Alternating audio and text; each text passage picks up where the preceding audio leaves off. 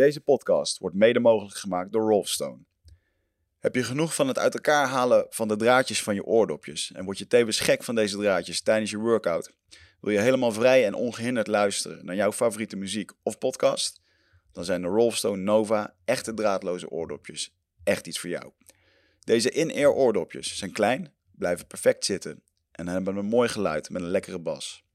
Volgeladen gaan ze 5 uur mee en in de compacte oplaadcase kun je ze onderweg tot 4 maal opladen.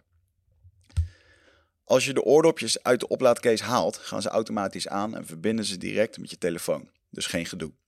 De Rolfstone Nova oordopjes krijgen 5 sterren op bol.com en uitstekende reviews. Voor de scherpe prijs van 79,95 koop je ze op bol.com of op echtdraadloos.nl.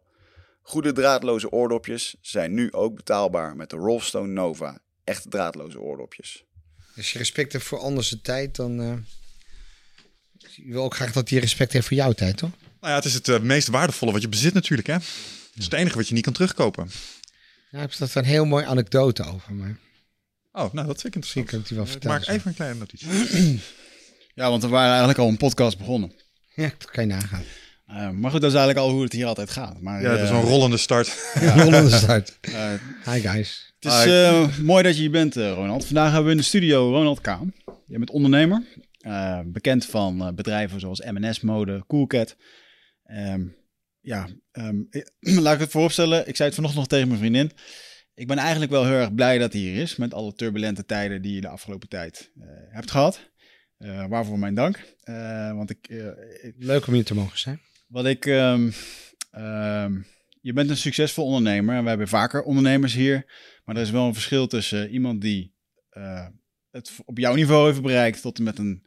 Uh, ja, de kleine succesvolle ondernemer. Dit is een, een, andere categorie.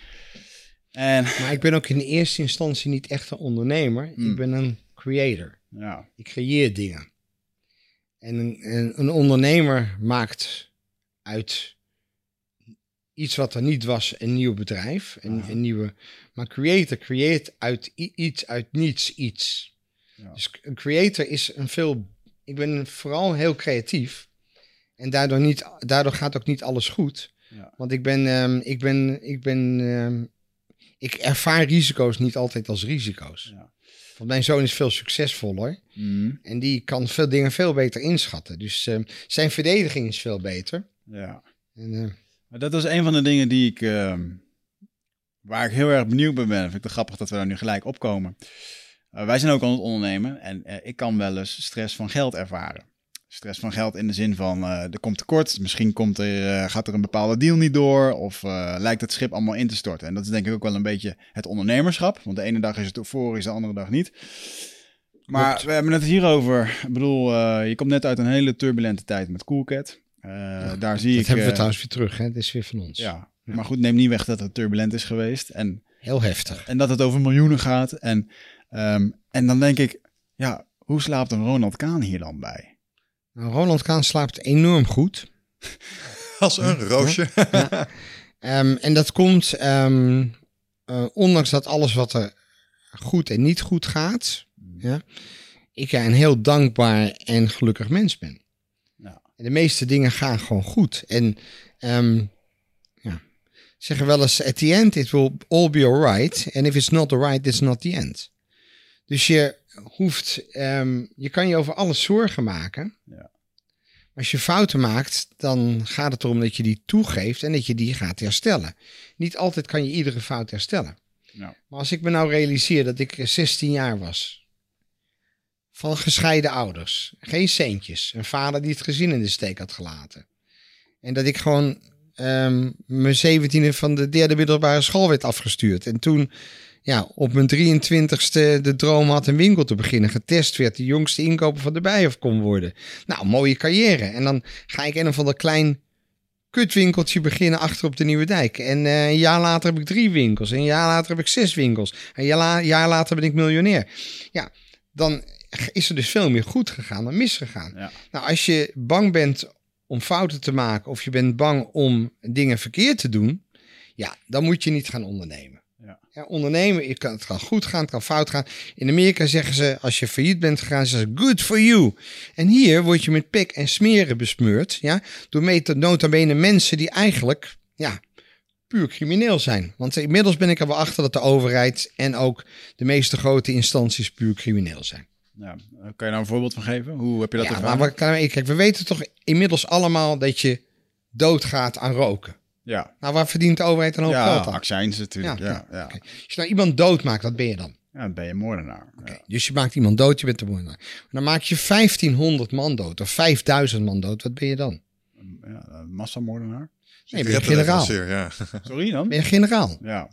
In, o- in, je mag dus moorden in dienst van de staat. Ja. Ja, en dan eh, worden er massaal 17.000 moslimmannen vermoord onder onze bescherming. En dan gaan ze ruzieën. Welk land had het moeten doen? Ja, dus de Nederlandse regering biedt niet eens excuses aan. Ja, ik zou dat een criminele daad willen noemen. Ja. Ja, of eh, zeg ik dan iets raars? Ja, Ja. nou, Maar nu vermoord je een miljoen mensen, zoals een Chinese president of een eh, Russische president of zelfs een Amerikaanse president. Als je ziet wat ze in Vietnam hebben aangericht, daar mag je als westerse wereld niet trots op zijn. Nee. Ja? 100%. En dan krijg je de Nobelprijs. Wie kreeg daar een Nobelprijs voor? Nou. Obama is de president die de meeste doodvonnis heeft uitgesproken. Ah. Iedere eh, actie die kan leiden tot dood moet getekend worden door de commander-in-chief. Ja. De president die de minste doodvonnis heeft uitgesproken was Clinton. Hmm. De president die de meeste doodvonnis heeft uitgesproken was Obama. Maar die heeft zo'n prachtig imago van de mooie Ja. halfzwarte man die allemaal zo goed het met de wereld voor had. Ja? Het is gewoon een secreet, gewoon een crimineel. Ja. Maar ja, wie niet op dat niveau? Ja. Ja. Maar de regels zijn er voor ons niet voor hun. ja, en ik denk ook niet dat zij het allemaal beslissen uiteindelijk. In de zin van, het zijn pop, poppetjes. Nou, ik ben daar wat anders. eh, er zit natuurlijk een machtsblok, maar ik geloof niet in. Als jij eenmaal gekozen bent tot president van de United States, wie gaat jou dan vertellen wat je moet doen? Dat zie je nu toch ook aan, aan, aan aan Trump. Trump is geen republikein en geen democrat. De republikeinen zagen hem helemaal niet zitten. De democraten. Maar het mooie aan Trump is, is dat hij ja, zo direct is en eigenlijk eerlijk, dat hij compleet niet in het systeem past. Ja. En dat het natuurlijk ook een, ja, een, iemand is met een hoop slechte eigenschappen. Ja, Ja.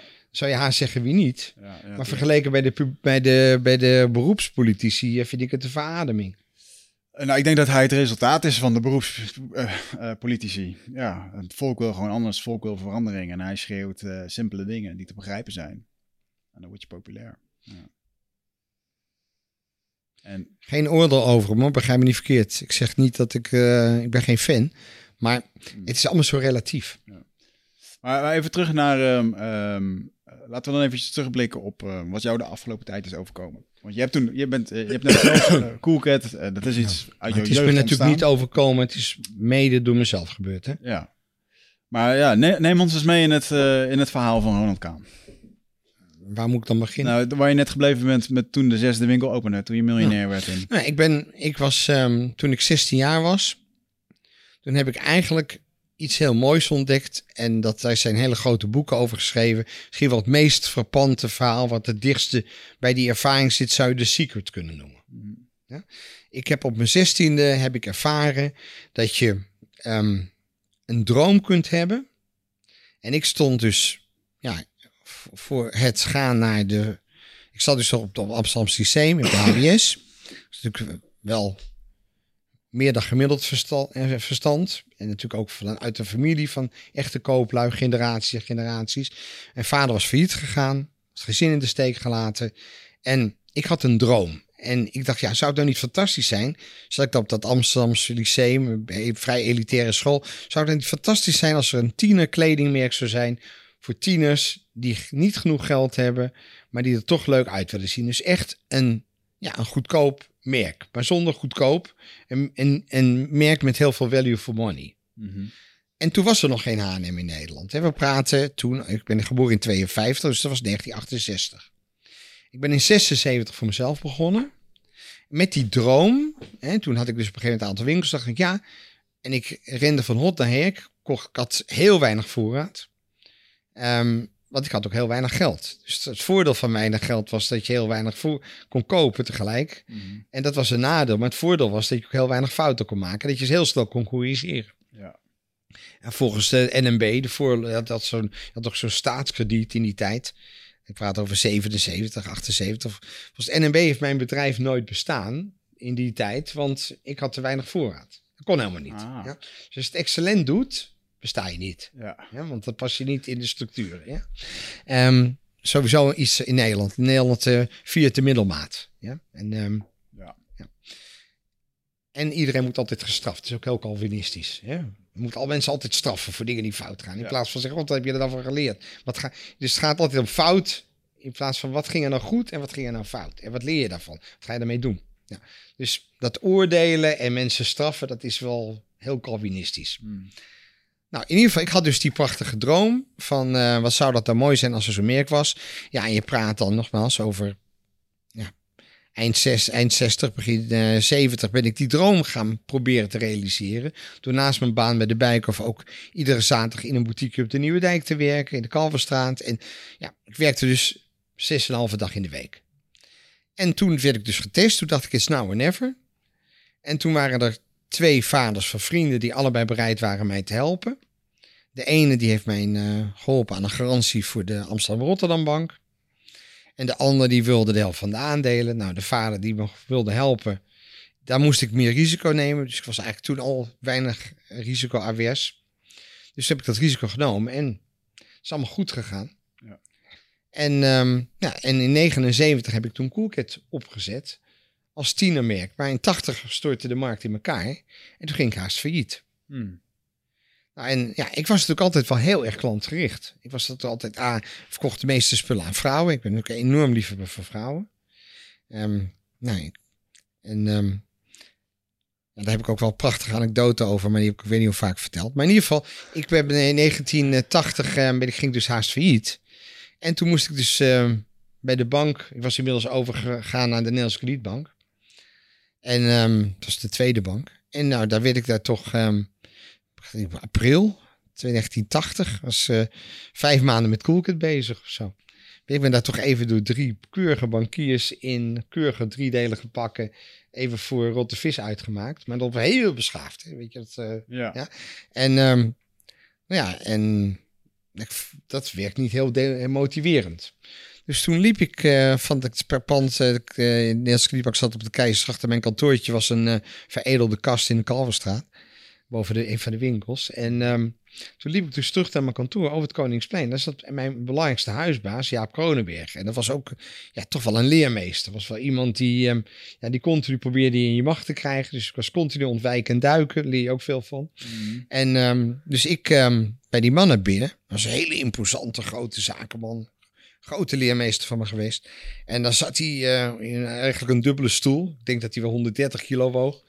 En, ehm en die wat kom je doen? Ik zei, nou meneer Kronenberg, ik weet niet of ik volgende maand huur kan betalen. Want het gaat helemaal mis. De omzetten zijn enorm. Het was echt een crisis hè, in 1980. eh, een, een, een crisis voor de consument. En dan weet, nou, ik weet niet, er wordt eh, heel weinig verkocht in de winkels. En nou, helemaal, ja, zielig doen. Ja. En zei, jongen, je bent ook veel te duur met al die rotzooi. Ram het eruit en betaal netjes duur. Nou, weet je, de tone of voice was niet zo mooi. Maar de boodschap was heel helder. Ja. Dus ja, voor alle luisteraars. Don't listen to the tone of voice, but listen to the message. Hè? Dus het feit dat je, dat je moet stoppen met oordelen over de toon of wat mensen zeggen, al dat ego-gedoe en al je be- beledigd voelen of wat dan ook. Compleet onbelangrijk. Veel belangrijker is, wat is de message? Wat kan je leren van, van de boodschap? Mm. Nou, dat, ehm, ja, dat ehm, ben ik toen letterlijk gaan opvolgen, dat advies. En toen, eh, na een maand, eh, was ik dus weer liquide. En twee maanden later ehm, ben ik terug ben ik naar een leveranciers toe gereisd. eh, vooral in Italië. Wat ik ook tegen de leveranciers zei, van, toen ik zo moeilijk zat. Ik zit heel krap. Die mensen die me 30% korting geven, betaal ik meteen. Nou ja, daar was haast iedereen toe bereid. Want het was, iedereen zat krap. Ja. Ja. Dus ja, ik verkocht het voor de helft, maar ik kocht het ook voor 70%. En er was natuurlijk altijd wel een reden. Weet je, mensen hadden verkeerd geleverd of maten niet of wat dan ook. Weet je. Dus mensen waren ook niet helemaal brandschoon. Nou ja, en toen ging ik dus teruggegaan eh, twee, drie maanden later naar mijn leveranciers. Die zaten allemaal met voorraden. Die kon ik heel goedkoop kopen. En toen was ik dus in eh, juli weer winstgevend. En toen heb ik me toch voorgenomen, ik moet dat hele productieapparaat in handen krijgen. Ik moet veel goedkoper kunnen zijn. Dus toen nog naast geen H&M en Zara en Primark en zo. Ik ben inmiddels natuurlijk wel links en rechts van alle kanten ingehaald. Ja. En ja, en wat je, wat je toch ziet, hè, en dat is dus ook een van de redenen waarom ehm, ondernemerschap zo moeilijk is. Um, managen is iets heel anders dan ondernemen. Managen betekent ook letterlijk in stand houden. Ja. Kijk, ik praat niet over de CEO's van grote ondernemingen, want als die niet ook heel veel manage, heel veel ondernemingsskills hebben, dan worden die, komen die ook niet op die plaats terecht. Er is niet zo heel veel verschil tussen uh, ja, directeur van een uh, groot bedrijf, CEO van een groot bedrijf en mij. Met die verstand dat ze veel grootschaliger kunnen denken en veel strategischer zijn. En ik ben een koopman met enig strategische kennis. Ja. Maar ik ben door, vanuit mijn creativiteit voeg ik natuurlijk nog wat toe. En wat ik nu heel erg leuk vind is jonge mensen coachen. En we hebben een investeringsbedrijf dat uh, mijn zoon uh, leidt. En mm -hmm. dat, uh, ja, dan zie ik dat ik wel toegevoegde waarde heb. Dat natuurlijk nog, ja, veel mensen zeggen think out of the box. En ik zeg get rid of the box. Hmm. Ja? Dus het gestructureerd zijn is heel mooi. Maar geconditioneerd denken, Ja. dat is funest. Dat zie je nu ook weer met die klimaatdiscussie. Ja. En met de milieudiscussie. Weet je, dat zijn mensen. Het, het, en we weten één ding zeker: dat alles wat ze nu weten. over 20 of 30 jaar compleet achterhaald zal Niks meer waard is inderdaad. Ja. De, ja, het is grootste, de, de meest dogmatische religie in de wereld. Weet je wat dat is? De meest dogmatische religie in de wereld. Wat is dat? Wetenschap? Bingo! Knap van je. Je bent de eerste die het zegt. Kijk. Science, motherfuckers. Hoe kwam je daarop? Want het is namelijk zo, hè? Nou ja, omdat ik ook wel heel erg bezig ben met eh, de wetenschap. Bijvoorbeeld eh, de neurowetenschap van 20 jaar geleden of van 15 jaar geleden. Die is echt allemaal ingehaald. Ehm, eh, industri- industrieel denk ik net zo. En ehm, eh, bijvoorbeeld het, een, ja, andere systemen, zoals bijvoorbeeld het financiële systeem. Het gaat helemaal verschuiven naar zo'n blockchain-achtige constructie. Je ziet daar zulke verschuivingen in. En ik denk dat die wetenschap te grijs is. En soms... eh, Maar- dat is ook wel de wetenschap, hè? Laten maar we dat hoort wetenschap niet dogmatisch te zijn? Is dat niet in de aard van het beestje? Waarom vind je het dogmatisch? Nou, nee, ik denk juist niet. Ik denk dat alles wat dogmatisch is, ehm, ja, enorm veel beperkingen in zich heeft. Maar wat, welk stukje van de wetenschap vind je met name dogmatisch? Ik vind de hele wetenschap dogmatisch. Het systeem. Kijk, als je leest over bijvoorbeeld een ziekte van duizend jaar geleden en nu, dan zie je dat mensen duizend jaar lang dachten het te weten. Mm. Maar als je ziet, bijvoorbeeld eh, op het gebied van kanker, wat de laatste tien jaar, tien jaar geleden werden mensen met allerlei vormen van kanker nog met chemo behandeld. Inmiddels weten we dat een heleboel van die vormen van, van kanker helemaal niet te behandelen zijn met chemo. Mhm. Nou, maar er zijn wel mensen, heel veel mensen stuk gemaakt. Er is ook heel veel mensen. Ik bedoel, het, ik zeg niet dat die mensen het doen vanuit verkeerde intentie. Mhm. De intenties zijn vaak heel mooi. Maar er is een soort enorme groepsdruk. Ja? Je ziet dat mensen zijn kuddedieren en die lopen allemaal achter elkaar aan. Dat zie je nu ook in, in, ja, in, in, de, in het minderhedenbeleid. Ja? Het feit dat wij anderhalf miljoen moslims hebben in Nederland maakt dat enorme macht. Maar die anderhalf miljoen moslims worden geterroriseerd door een hele kleine groep van fanaten moslims. Een vriendje van mij, Najib Amali, daar zijn ze echt bij op de stoep gaan zitten. Van, hey brother, je mag geen grapjes maken over, eh, over de islam. Hè? Die gewoon, dus de vrijheid, ja, om t- ja, te doen. Ja, die man wordt, kan dus een heleboel dingen niet zeggen en niet doen. Want anders wordt hij er door zijn eigen achterban op afgerekend. Nou, dat is zijn dingen. En ik pak maar een voorbeeld. Hè. Ik, ehm, Het eh, misschien wel heel beladen om nou moslims te noemen. Maar ehm, het is een voorbeeld van groepsdruk. Nou, dat geldt natuurlijk voor ja, iedere religie. Hè? Democratie is een religie. Hè? We zitten aan het einde volgens van mij van de oude vorm van democratie. Met de huidige middelen zou de burger veel meer inspraak moeten hebben. Maar dat wil de politiek niet. Want wij zijn dom, stom, domme, stomme mensen. En- En zij weten het. Ja? En als wij niet stemmen zoals zij willen, dan gaan ze proberen dat te manipuleren. Dus ja, echte democratie bestaat niet. Ja, het- vind je dat terecht? We hebben die vraag hier wel eens eh, eerder besproken met onder andere Marianne Thieme. Waarom, het toch niet zo, waarom is het niet mogelijk dat met het internet er een systeem denkbaar is waarbij is je op, op regionaal niveau kan stemmen over de eh, allocatie van budgetten? Ik noem maar iets. Ja, maar niet alleen op regionaal niveau, ook belangrijke beslissingen. Kijk, en wat gebeurt er? De politiek manipuleert de burger, Mhm. legt het ze niet goed uit. En dan is de burger stom als ze niet doen wat de politiek wil. Leg het dan goed uit. Leg dan goed uit waarom je vindt dat bepaalde milieuzaken. Maar onderbouw het. Wat ik ook vaak tegen mijn creatieve mensen zeg in mijn team. Dan roepen ze: ja, geel wordt heel groot. Ik zeg: oké, onderbouw het dan. Hè? Laat me plaatjes zien van toonaangevende merken waarin heel veel geel komt. Als je het me bewijst, ga ik ermee. Dan is het oké. Ja? Maar bewijs je het niet, dan is het gewoon een gevoel. Ja, sorry, maar ik ga toch niet de banen van een heleboel mensen riskeren op jouw gevoel. Nee. Ja? Dus het gaat erom dat je een stelling kunt onderbouwen, kunt bewijzen. Nou, dat hoort de politiek ook te doen. Ja. Maar kijk, of we hebben een democratie of we hebben hem niet. Maar een democratie, net als ieder systeem dat zich niet aanpast en niet vernieuwt. Dat dus eigenlijk bestaat de politiek al niet meer. Je ziet wat de politiek met onderwijs doet. En, met, de- met, hè? en ik, kijk, ik klaag niet, hè, want Nederland heeft een, is een geweldig land. Met heel veel dingen die veel en veel beter gaan dan een hoop andere landen. Dus we boffen enorm dat we hier wonen. Maar wat ik wel jammer vind, is dat we heel veel van onze voorsprong kwijtraken. Omdat we niet meer creatief zijn, niet meer innovatief. En vooral omdat we heel dogmatisch bezig zijn en heel erg geconditioneerd. Ja. Nou, dat kan veel beter. Maar dat geldt natuurlijk ook voor ondernemerschap. Ja, nou, ik heb daar echt wel eens over na zitten denken hoor. Over wat, wat, wat zou er gebeuren op het moment dat je burgers via hun DigiD toegang zou geven tot een website. En dan zouden ze op bepaalde thema's gewoon hun stem mogen uitbrengen. En het grootste, eh, het, het, zeg maar, dat, die optie waar de meeste stemmen voor zijn, die voeren, die voeren we uit. Dat moet te doen zijn. Stel ja, maar dan moet voor. je wel quota hebben. Want kijk, je, je hebt altijd kleine groepen actievoerders. Kijk, vooral de fanatieke mensen.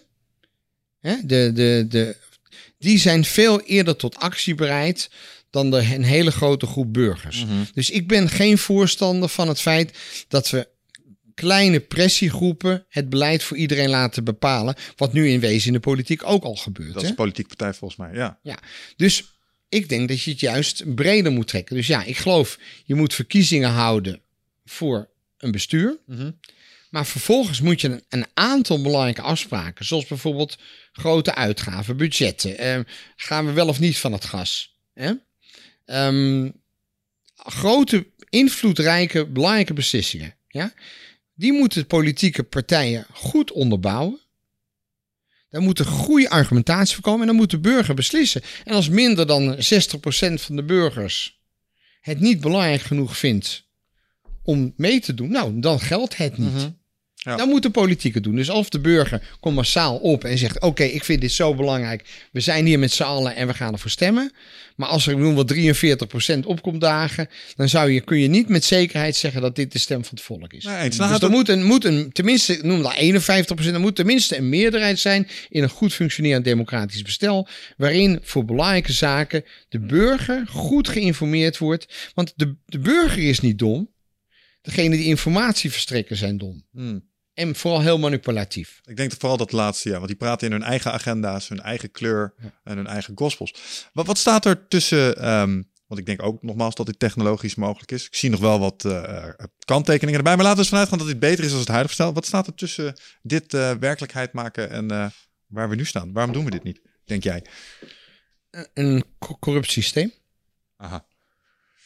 En de enige manier om een corrupt systeem uit te komen doorgaans is eh, revolutie, burgeroorlog. Klinkt allemaal wat rigoureus. Daarom, daarom, kijk, ik zie Trump toch ook een beetje als een revolutie. Ja. Mm, ja. Nou ja, meer als een signaal van de stemmer dat ja. eh, het oude manier van doen het vooral niet Kijk, was. bijvoorbeeld, ik, vind- een, een Thierry Baudet zegt hele juiste dingen. Hmm. Ja? Het jammer is dat het een ja, egocentrische, zelfingebeelde eikel is. Maar Oké, eh, daar zit weinig ruimte voor interpretatie tussen, ja. Nou ja, dat vind ik. Hè. En ik heb een paar keer ontmoet. En ehm, hij, hij luistert niet, staat nauwelijks open. En ehm, ja, nou, volgens mij loopt hij de hele dag aan zijn pik te trekken. Hmm. Maar dat kan ook lekker zijn, maar de hele dag lijkt me veel. Dus en ik vind... En, en als je dan om je... En hij heeft echt geweldige mensen om zich heen. Zo Annabel, die Amsterdam, de gemeenteraad. Ja, dat is echt een klassevrouw. Maar wat doet dan de gevestigde orde? Ze heeft dit gezegd. Ze heeft dat gezegd. Het is een antisemiet. Nou, haar, haar, haar oma woont in het Joodse te- bejaardentehuis. Nou, dat lijkt me wel een rare plek voor een oma van een antisemiet. Hè? Dus die vrouw is echt zo kosher als maar wat. Hè? Kan ik als Joodse jongen keihard zeggen. Ja? Maar al die foute klootzakken die haar een antisemiet noemen, dat zijn antisemieten. Mijn ex Sylvana Simons is een zware antisemiet. Hè? Een zware antisemiet. Ja? ja, en ja, Maar dat is dezelfde... Weet je, en, en hè, de, haar, haar duo-baan. eh, ganger, ja, die staat op de dam eh, eh, met vlaggen van Joden, met, met, met vlooien en luizen en dat soort dingen. Weet je, gewoon compleet te gekken. Weet je, compleet te gekken. En, ja, en gelukkig is die vrouw zo meteen uit de politiek, want die kan helemaal niks. Behalve eh, Dat dat is nu over Sylvana. Sorry, ja. Ja, Eh, Even, ik, ik ga te veel los, moet ik even niet doen. Even terug, niet gezegd. Maar kan je het eruit knippen? Maar eh, een lang verhaal kort, er, zijn, er zitten dus ook allerlei gelukzoekers in het systeem. Mhm. Nou ja, die worden er vanzelf uitgefilterd. Weet je dat? ehm, kijk, zo'n zo'n zo'n partij als eh, Forum voor Democratie heeft wel degelijk, voor mij is dat ook een vorm van revolutie. Mhm. Ja, zegt hele rationele goede dingen. Alleen ja, van echte democratie is daar ook geen sprake. Nee. Hè, die Otte is echt een hele intelligente vent. En die heeft natuurlijk wel degelijk gelijk. Ja, had het niet in het NRC moeten zetten, want dat zijn vijanden van eh, het Forum van Democratie. In welk Maar- opzicht had hij gelijk? Hij had natuurlijk wel gelijk dat, ehm, dat ehm, een politieke partij niet opgehangen moet worden aan één mens. Er moet Nee. wel een leider zijn, dat is Mhm. heel essentieel. Hè? Ik geloof echt in leiders. Dat ben ik zelf ook. Maar een goede leider luistert naar iedereen. Ja. Ja. Wat is het toch met eh, het, het rechtse kamp, als ik dan kijk... eh, Wat is het met de linkse kant bedoel je? hoe bedoel je? Ja, wat je over gaat zeggen, kan je zo meteen ook over links zeggen. Ja, nou, het, li- het lijkt erop dat als ik naar Thierry kijk. Ik kijk naar eh, meneer Wilders. Ik kijk naar Pim. Jongens die toch overduidelijk aan die kant stonden. Charismatische leiders. Maar toch allemaal een beetje met zo'n accent op het ego. Waar je het net ook over had. En noem me dan eens een linkse leider die dat niet heeft. Wat, wat, wat vinden we van eh, de ex-leider van D66? Pechtold. Pechtold? Tot. Pechtold? Ja. ja, ja. Ja, Ja. eh, ik denk dat als je kijkt naar wat hij feitelijk heeft gedaan destijds met het appartement, dat was niet zuiver. Kun je iets van vinden. Maar als ik kijk naar hoe hij zich persoonlijk manifesteerde, vond ik het minder, minder op het scherp van de Zou ik snede. eh, mogen vermoeden dat jij links stemt? Eh, nou, dat valt de laatste tijd best wel mee. Ik heb wel op D66 gestemd in het verleden. Maar, maar- ja, maar- ik Maar zou het zo kunnen zijn dat jouw interpretatie enigszins beïnvloed wordt door jouw levensvisie? Door jouw conditionering? Ik ben me bewust van vooroordelen. Met andere woorden, ik denk dat er niet zoveel verschil is tussen Pechtold en Thierry Baudet. Mm. Het enige verschil is dat, dat eh, Pechtold is het product van een gecorrumpeerd verkeerd systeem. En Baudet is het product van de elitaire wereld, van, de, van de wetenschap, ja, die zeer terecht vindt dat hij daar wat aan moet doen. Mhm. Maar de vraag is of de oplossing niet net zo ellendig is als, eh, Mm. als de uitdaging. Hè? Mhm. Dus ja, het, is, het is allemaal niet perfect. Hè? Maar het gaat erom eh, goed, beter, best. Mag, mag ik de discussie weer even terughalen naar jouw eh, persoonlijke verhaal? Van jouw rode draad Daar wil ik eigenlijk. al zo vaak over praten. Ja, ik vind het ook aardig. Maar eventjes voor ons, eh, want ik wil eventjes verder eh, in het eh, verhaal van het, ja, jouw succes. Toen het op een gegeven moment ging lopen. En ehm, kan kan je daar nog eens wat meer over vertellen? Even terug Over? naar, naar je ondernemerscarrière. Ja, ik ben toen succesvol Coolcat gaan uitbouwen. En ik ben toen ook de winkelpandjes gaan kopen. En nou, dan wilde ik graag een pand kopen in de Kalverstraat waar ik zelf in zat. Maar dat was dan niet te koop. Maar een stukje verderop was er wel een pand te koop. Dus voor ik het wist, had ik een vastgoedbedrijf. Ja. Toen heb ik een strategie ontwikkeld van ik huur twee panden, ik koop één pand.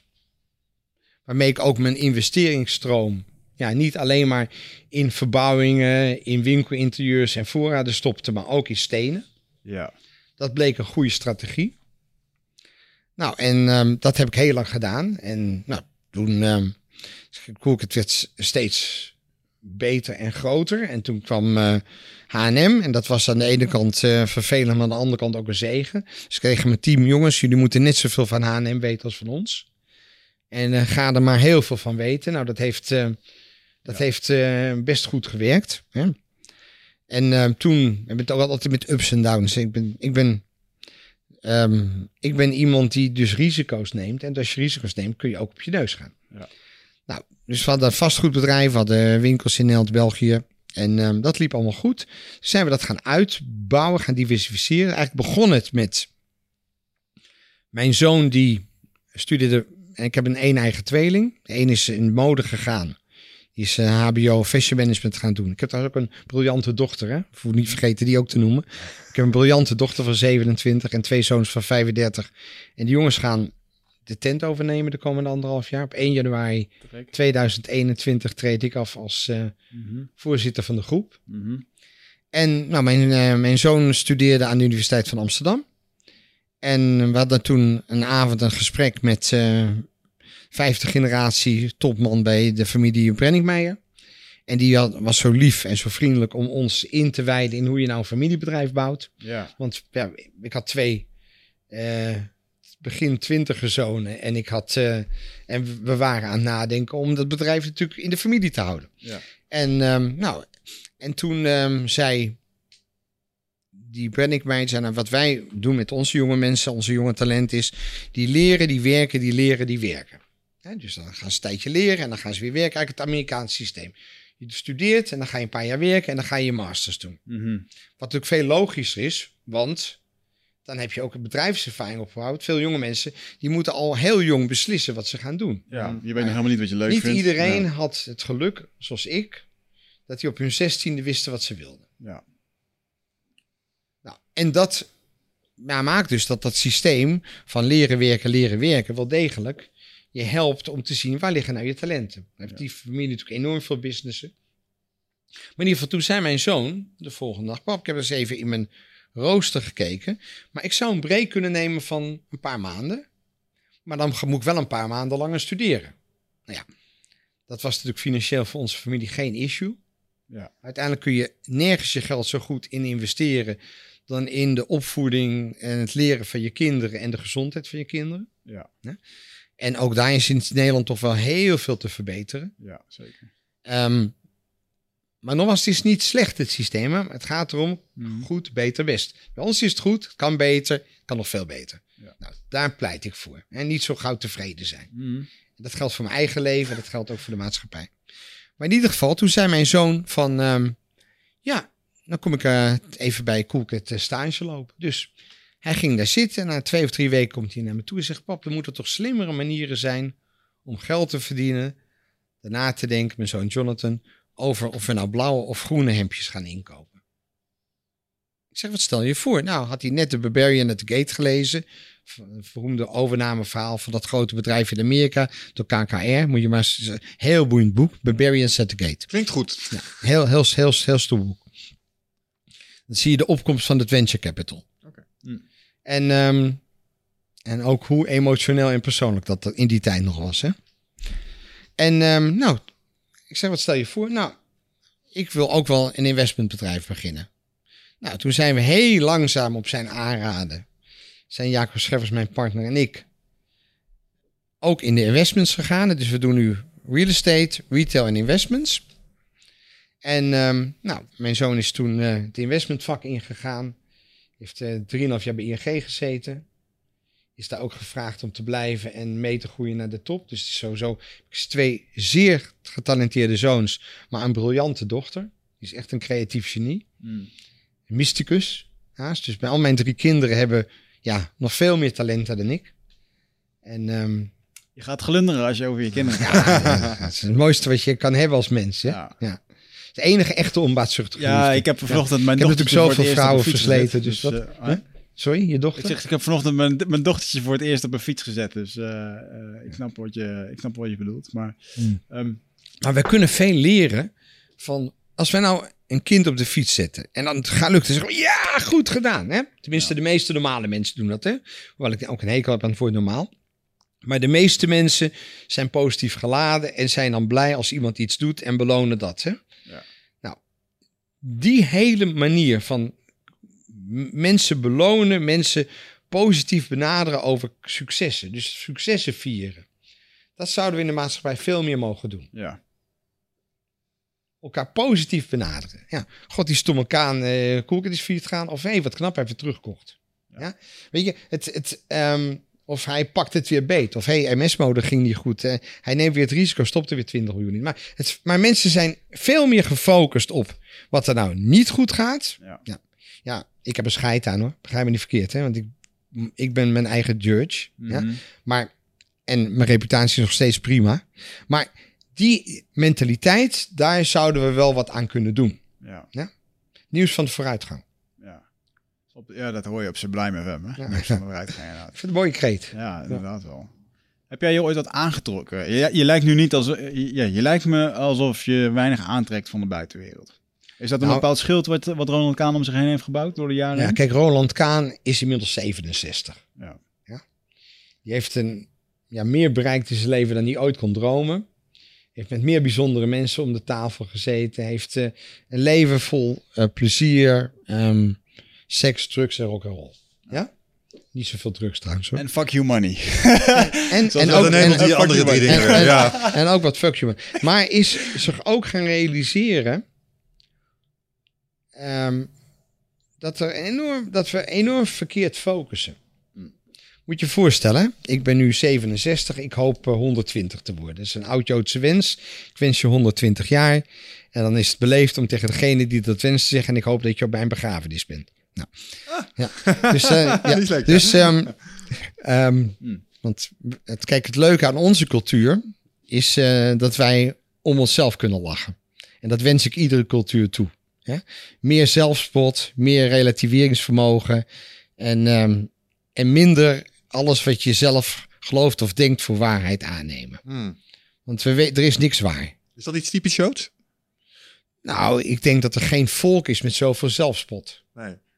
Ik denk dat trouwens sowieso geen volk is met zoveel talent. Niet om mezelf op de borst te klappen. Maar eens kijken het aantal Nobelprijswinnaars. Ja? Het aantal muzikanten. Ja? Ik heb vroeger wel eens... Dit is een zeer discriminerende opmerking. Ja. Ik ga hem toch maken. Oké, let's go. Ja, want ik... Het, ja? ja? Al die drugsdealers. Zie je er wel eens een keer Cohen bij? Er zitten geen joden tussen, waar je zegt. Al die moordenaars. Hè? En zitten de gevangenissen vol met joden? Oh, daar heb ik geen statistieken over Nou, paraat. maar maar, eh, dat zeg je waarschijnlijk niet zomaar. Nou, ik heb daar wel me in verdiept. Hè? Er hangt een soort positieve energie rond ons. Mhm. Wij zijn het pispaaltje van de hele wereld. En daar moet een reden voor zijn. En de reden is dat wij de wereld een spiegel voorhouden. Door ons relativeringsvermogen, door ons enorme talent ja, om het positieve te zien. Hè? En we zijn de grootste overlevingsact ter wereld. Iedereen wil ons doodmaken. Iedere generatie staat er een land of een heerser op die ons wil vernietigen. Het was Duitsland. Ja? En nu is het Iran. En wat doet de gemiddelde domme politicus? Dat zijn allemaal Chamberlains. Chamberlain, heb je nooit wel eens van Chamberlain gehoord? Het, het zegt niet, maar ik weet even niet hoe nou, dat Chamberlain was, situatie. was een premier in Engeland. Ja? En die heeft een deal gesloten met Hitler. Ah, Ja? ja. Want wat doen wij Europeanen als we maar handel kunnen drijven? Of we nou slaven vervoeren of wat anders, maakt niet zoveel uit als we maar handel kunnen drijven. Ja, dus we zijn bereid onze ziel en zaligheid te verkopen om met Iran zaken te doen. Of dat land nou de wereld wil vernietigen of niet. Ja? Inmiddels blijkt steeds meer hoe Trump gelijk heeft en hoe Obama helemaal fout zat. Ja? En hoe Europa helemaal fout zit. Maar ja, dat staat dus ook in 1939, toen Chamberlain het akkoord met Duitsland sloot. En daarna heeft Duitsland geprobeerd alsnog de hele wereld te veroveren. Ja. Dus het feit dat mensen zo bang zijn om te zeggen links is links en rechts is rechts en dit is het midden. Ja, ja, dat is een enorme bedreiging voor de vrijheid van de wereld. Maar terug te komen op onze, cult- onze cultuur. Mhm. Onze cultuur is er een van bouwen en creativiteit en iedere keer weer opstaan. En daar heb je humor voor nodig. Ja, ja, nee, ja, als ik zie wat jullie eh, in dat opzicht historisch gezien voor de kiezer hebben gekregen. En niet om ermee te dealen is om te lachen, denk ik.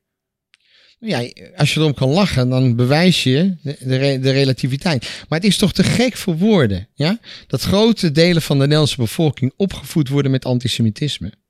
Ja, ik zit me dat de hele tijd. eh, eh, ik hoor het je zeggen. Dus sowieso merk ik dat het wel iets met me doet eh, als niet-Jood. Als je op zo'n manier daarover van wal steekt. Van hey, wij- ik denk dan. En bij de rest van de wereld dan? Snap je? Dus daar pak je een bepaalde houding waarvan ik denk. Oké, is Weet, interessant. weet je, een groot deel van de Nederlandse bevolking denkt dat alle ellende komt door de Joden en, Joden en de fietsers.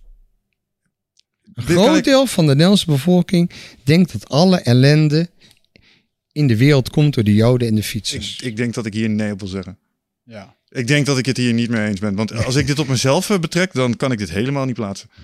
Nou, ik ben zo blij dat je dit zo zegt. Maar ik heb dus met een hele intelligente, een aantal hele intelligente journalisten gezeten. Mm. En weet je wat die dan zeggen als ik dat zeg? Het ligt aan de Joden en fietsers. Weet je wat ze dan zeggen? Ligt aan de Joden. Eh, Ja, oké. Wat ja, wat, wat, denk je dat ze zeggen? Misschien hetzelfde als ik zojuist zei. Wat? Hetzelfde als ik zojuist zei. Nee. Sorry, dat klopt niet. Zijn de, waarom de fietsers? En dan zeg ik waarom de Joden. En ze schamen zich dan na afloop, hè? Maar het zit zo.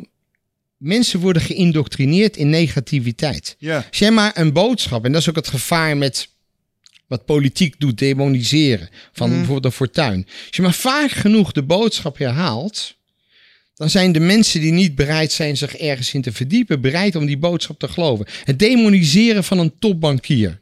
Hè, zoals de, de baas van ING. Het demoniseren van een van de meest visionaire topmanagers van Nederland. Hè, die minder verdient dan een derde rangs bankier in Duitsland. Ja. Ja? De manier waarop die man ja, door die walgelijke politiek is behandeld, ja, dat is misdadig. Maar is dat puur terug te leiden op het feit dat hij Joods is? Nee, Hamers is helemaal niet Joods. Nee, nee. Oké, nee, ik wou het zeggen. Nee, Oké, check. maar ik, het gaat me om die manier van demoniseren. Juist, oké, check. Ja, dat volg ik bedoel, het, het lijden is niet puur in handen van Joden. ja? Ja? Hoewel we er wel heel goed in zijn. Ja? Geen monopolie, maar toch zeker eh, ja, een flink marktaandeel. Maar het feit dat een burgemeester Halsema accepteert en toestaat dat, dat bij het Vrijheidsmonument een aantal compleet asociale klootzakken op kosten van de samenleving Joden en Israël demoniseren, de enige vrije democratie in het hele Midden-Oosten, ja, waar gewoon de hele wereld tien keer meer misdaden pleegt dan Israël. En ik ben niet met alles wat daar gebeurt eens. Dat hoeft ook helemaal niet. Maar het gaat erom dat er een democratie is en dat mensen kiezen. Ja? En, en ik wens ieder land de moraliteit toe van Israël. Ieder land. Dan zouden we een veel mooiere en betere wereld hebben. Hmm. De laatste kaarten zijn beschikbaar voor het Rite of Passage Retreat op 24, 25 en 26 mei. Ben jij erbij? Het is een volgende stap in je persoonlijke groei. Eh, een weekend waarbij de belofte is dat het een tikkeltje oncomfortabel gaat worden. Maar daar ligt natuurlijk wel gewoon de groei om meer helderheid te krijgen in je leven. Om uit je hoofd te komen, in het lichaam. ehm, achter te laten wat je niet meer dient. En om echt de volgende stap te maken door de oude patronen te doorbreken, te doorzien, te doorvoelen en, en te helen. En daarvoor wil ik je heel graag uitnodigen. Eh, en ik hoop dat jij een van die laatste bent die nog aansluit bij het Rite of Passage Retreat. Ga naar wichertmeerman.nl, klik op Retreat en ik zie je daar. Oké, dit was een politieke statement. Ja, het dat ging niet mag, over dat is zaken oké. doen. Ja. Ik, ben, ik ben hem even aan het verwerken. En eh, wat, ik, wat ik al straks ook al aangaf. ik- ik- luister, ik, ik kan me niet voorstellen hoe het moet zijn om tot een bevolkingsgroep te horen die het verleden heeft dat de Joodse ehm, gemeenschap heeft. Dat weet ik ik gewoon kan er prima mee leven. Geen idee. En ik weet ook niet hoe het is om als een Jood door het leven te gaan. Dus misschien zijn er allerlei momenten waarop jij daartegen aanloopt. Nou ja, maar als ik het even op mezelf betrek, Ja? dan denk ik dat ik juist een extra voorzichtigheid heb meegekregen vanuit mijn achtergrond. eh, als het gaat om Joden. Juist vanuit de Tweede Wereldoorlog. Ik heb grootouders die de Holocaust hebben meegemaakt. En die hebben dat altijd veroordeeld, verafschuwd. En die hebben mij gezegd: hey, dat nooit meer. Dus als ik nadenk over Joden, ik ben heel voorzichtig om juist extra niet antisemitisch te zijn. Juist gelet op het verleden dat het, wat er hier heeft plaatsgevonden. Dus als je dit zo zegt, dan denk ik. Oké, blijkbaar zijn er een aantal Nederlanders die dat helemaal anders hebben meegekregen vanuit huis. Maar ik herken het niet. Nou ja, kijk, als, ik- als ik zie ehm, dat ehm, hele bevolkingsgroepen, ik zal ze niet met name noemen, minderheden, gewoon van huis uit worden opgevoed met antisemitisme. Ja? Ja. Ja? Ja, nou ja, en dan, en dan, en dan eh, wordt dat dan vaak gekoppeld aan Israël. Ja? Mhm. Maar, ze, maar er worden gewoon, het, gewoon Joden op straat, omdat ze een keppeltje dragen, gewoon door dit tuig gewoon beetgepakt. Hè? En één voor één zijn ze zo laf als maar wat, maar in groepjes zijn ze wel gevaarlijk. Weet je, er zijn wel echt Ja, groep- oké, oké. Maar, maar je hebt het nu over minderheden die potentieel ook uit de gebieden komen waar de spanningsvelden bijvoorbeeld tussen Israël en Palestina gewoon actueel zijn. Is dat wat je bedoelt? Nee, er is geen spanningsveld. eh, wat, het is een spanningsveld tussen landen. Hmm. Ja. Ja. Het, eh, een derde van de bevolking van Israël is niet Joods. Nee. Dat zijn wel Israëliërs. Ja. Dus, maar, maar zie je hoe ook zelfs bij jou het, het, het dogma Joden en Israël Nou. door elkaar gehaald wordt? Ik heb daar nog een vraag over voor je. Wat stel je voor dat. eh, hoe, wat denk je dat er gebeurt met iemand als hij hoort Dat we, mijn team, mijn team is echt zoveel fucking beter als de rest. Want wij hebben geen moordenaars. Wij hebben alleen maar Nobelprijswinnaars. We hebben, als, als iemand een dergelijke houding pakt. eh, Ten opzichte nee, van je, ten opzichte van je, nee, ten opzichte van, je, van Nee, maar- eh, de andere groep Ik- waar je dan even in wordt ik, geduwd. ik doe het provocerend, want ik ben het zo zat Mhm, dat we altijd in die andere hoek gedouwd worden. mhm. Dat het tijd wordt voor tegengif. Kijk, om een boot in balans te houden, Mm. als er een heleboel mensen links uit de boot hangen, is het soms goed om rechts uit de boot te hangen. Kijk, laten we heel eerlijk zijn. Ja? Het zijn niet onze verhalen. Ons is gestigmatiseerd dat we de wereld zouden beheersen. Mhm. Ons is gestigmatiseerd dat het over geld gaat. Nou, echt, als je naar de top 500 kijkt, op van de rijkste mensen ter wereld, ja, of je kijkt naar eh, waar dan ook welke despoot ter wereld die miljard het land uitsteelt, dat zijn haast allemaal geen Joodse heersers. Want ik ken niet één Joodse heerser op, op de premier van Israël na. Ja, ja? check. Ja, precies. Dus het is allemaal bullshit. Ja? Maar als je die bullshit zelf verkondigt, wat wij doen vanuit een deel zelfspot, Mhm. ja? Ja? dan mag je ook best wel eens kijken naar de verworvenheden. Ja? En ik denk dat het Joodse volk deze planeet aan een enorme berg verworvenheden heeft, geholpen, Mhm. waar we best eens over mogen, bij mogen stilstaan. Ja? Als er heel veel technologie uit Israël komt, ja? of er worden enorme vindingen gedaan, ja? dan mag je ook eens zeggen, hé, hey, wat fijn dat, dat, dat we dat allemaal, dat we die zegen allemaal deze kant op krijgen, in plaats van dat het enige land wat door de Verenigde Naties wordt uitgezonderd om zondeboks aan de wereld te zijn, Israël moet zijn. Dat is te triest voor woorden. En dan zie ik dus dat een Nikki Haley probeert de wereld wakker te schudden. Maar ja, er is natuurlijk aan Arabische landen meer geld te verdienen met olie dan. Ja, maar je zal zien, ook daar zijn de, zijn de ehm, bewegingen nu aan het veranderen. Over tien, Egypte en Jordanië hebben al heel lang vrede met Israël. Mhm. Saoedi-Arabië en eh, Oman zijn al vrede aan het stichten. Want uiteindelijk zien ook die heersers het enorme gevaar van Iran. Hmm. Dus ja, nood breekt witsen, ja, zeg, hè? Maar stel, stel oké, Oké, open-minded. misschien zijn we te veel politiek Nee, nee, nee, want bezig, ik vind het- maar ik vind het boeiend. ik vind het wel boeiend. Ik vind het namelijk wel even interessant om dan nog even stil te staan bij eh, wat erachter zit. Want het is niet de eerste keer dat je het hoort. Joden bijzonder getalenteerd, succesvol in zaken doen, eh, lijken een status apart te maar hebben. het rare is, kijk, hoor je weer zaken doen. Het rare is dat het Joodse volk juist niet excelleert in zaken doen, maar excelleert in creativiteit. En creativiteit. Ja, Oké, pakken Want we die? de beste muzici, de beste ehm, medici, Hmm. ja? de beste wetenschappers, daar zijn Joden oververtegenwoordigd.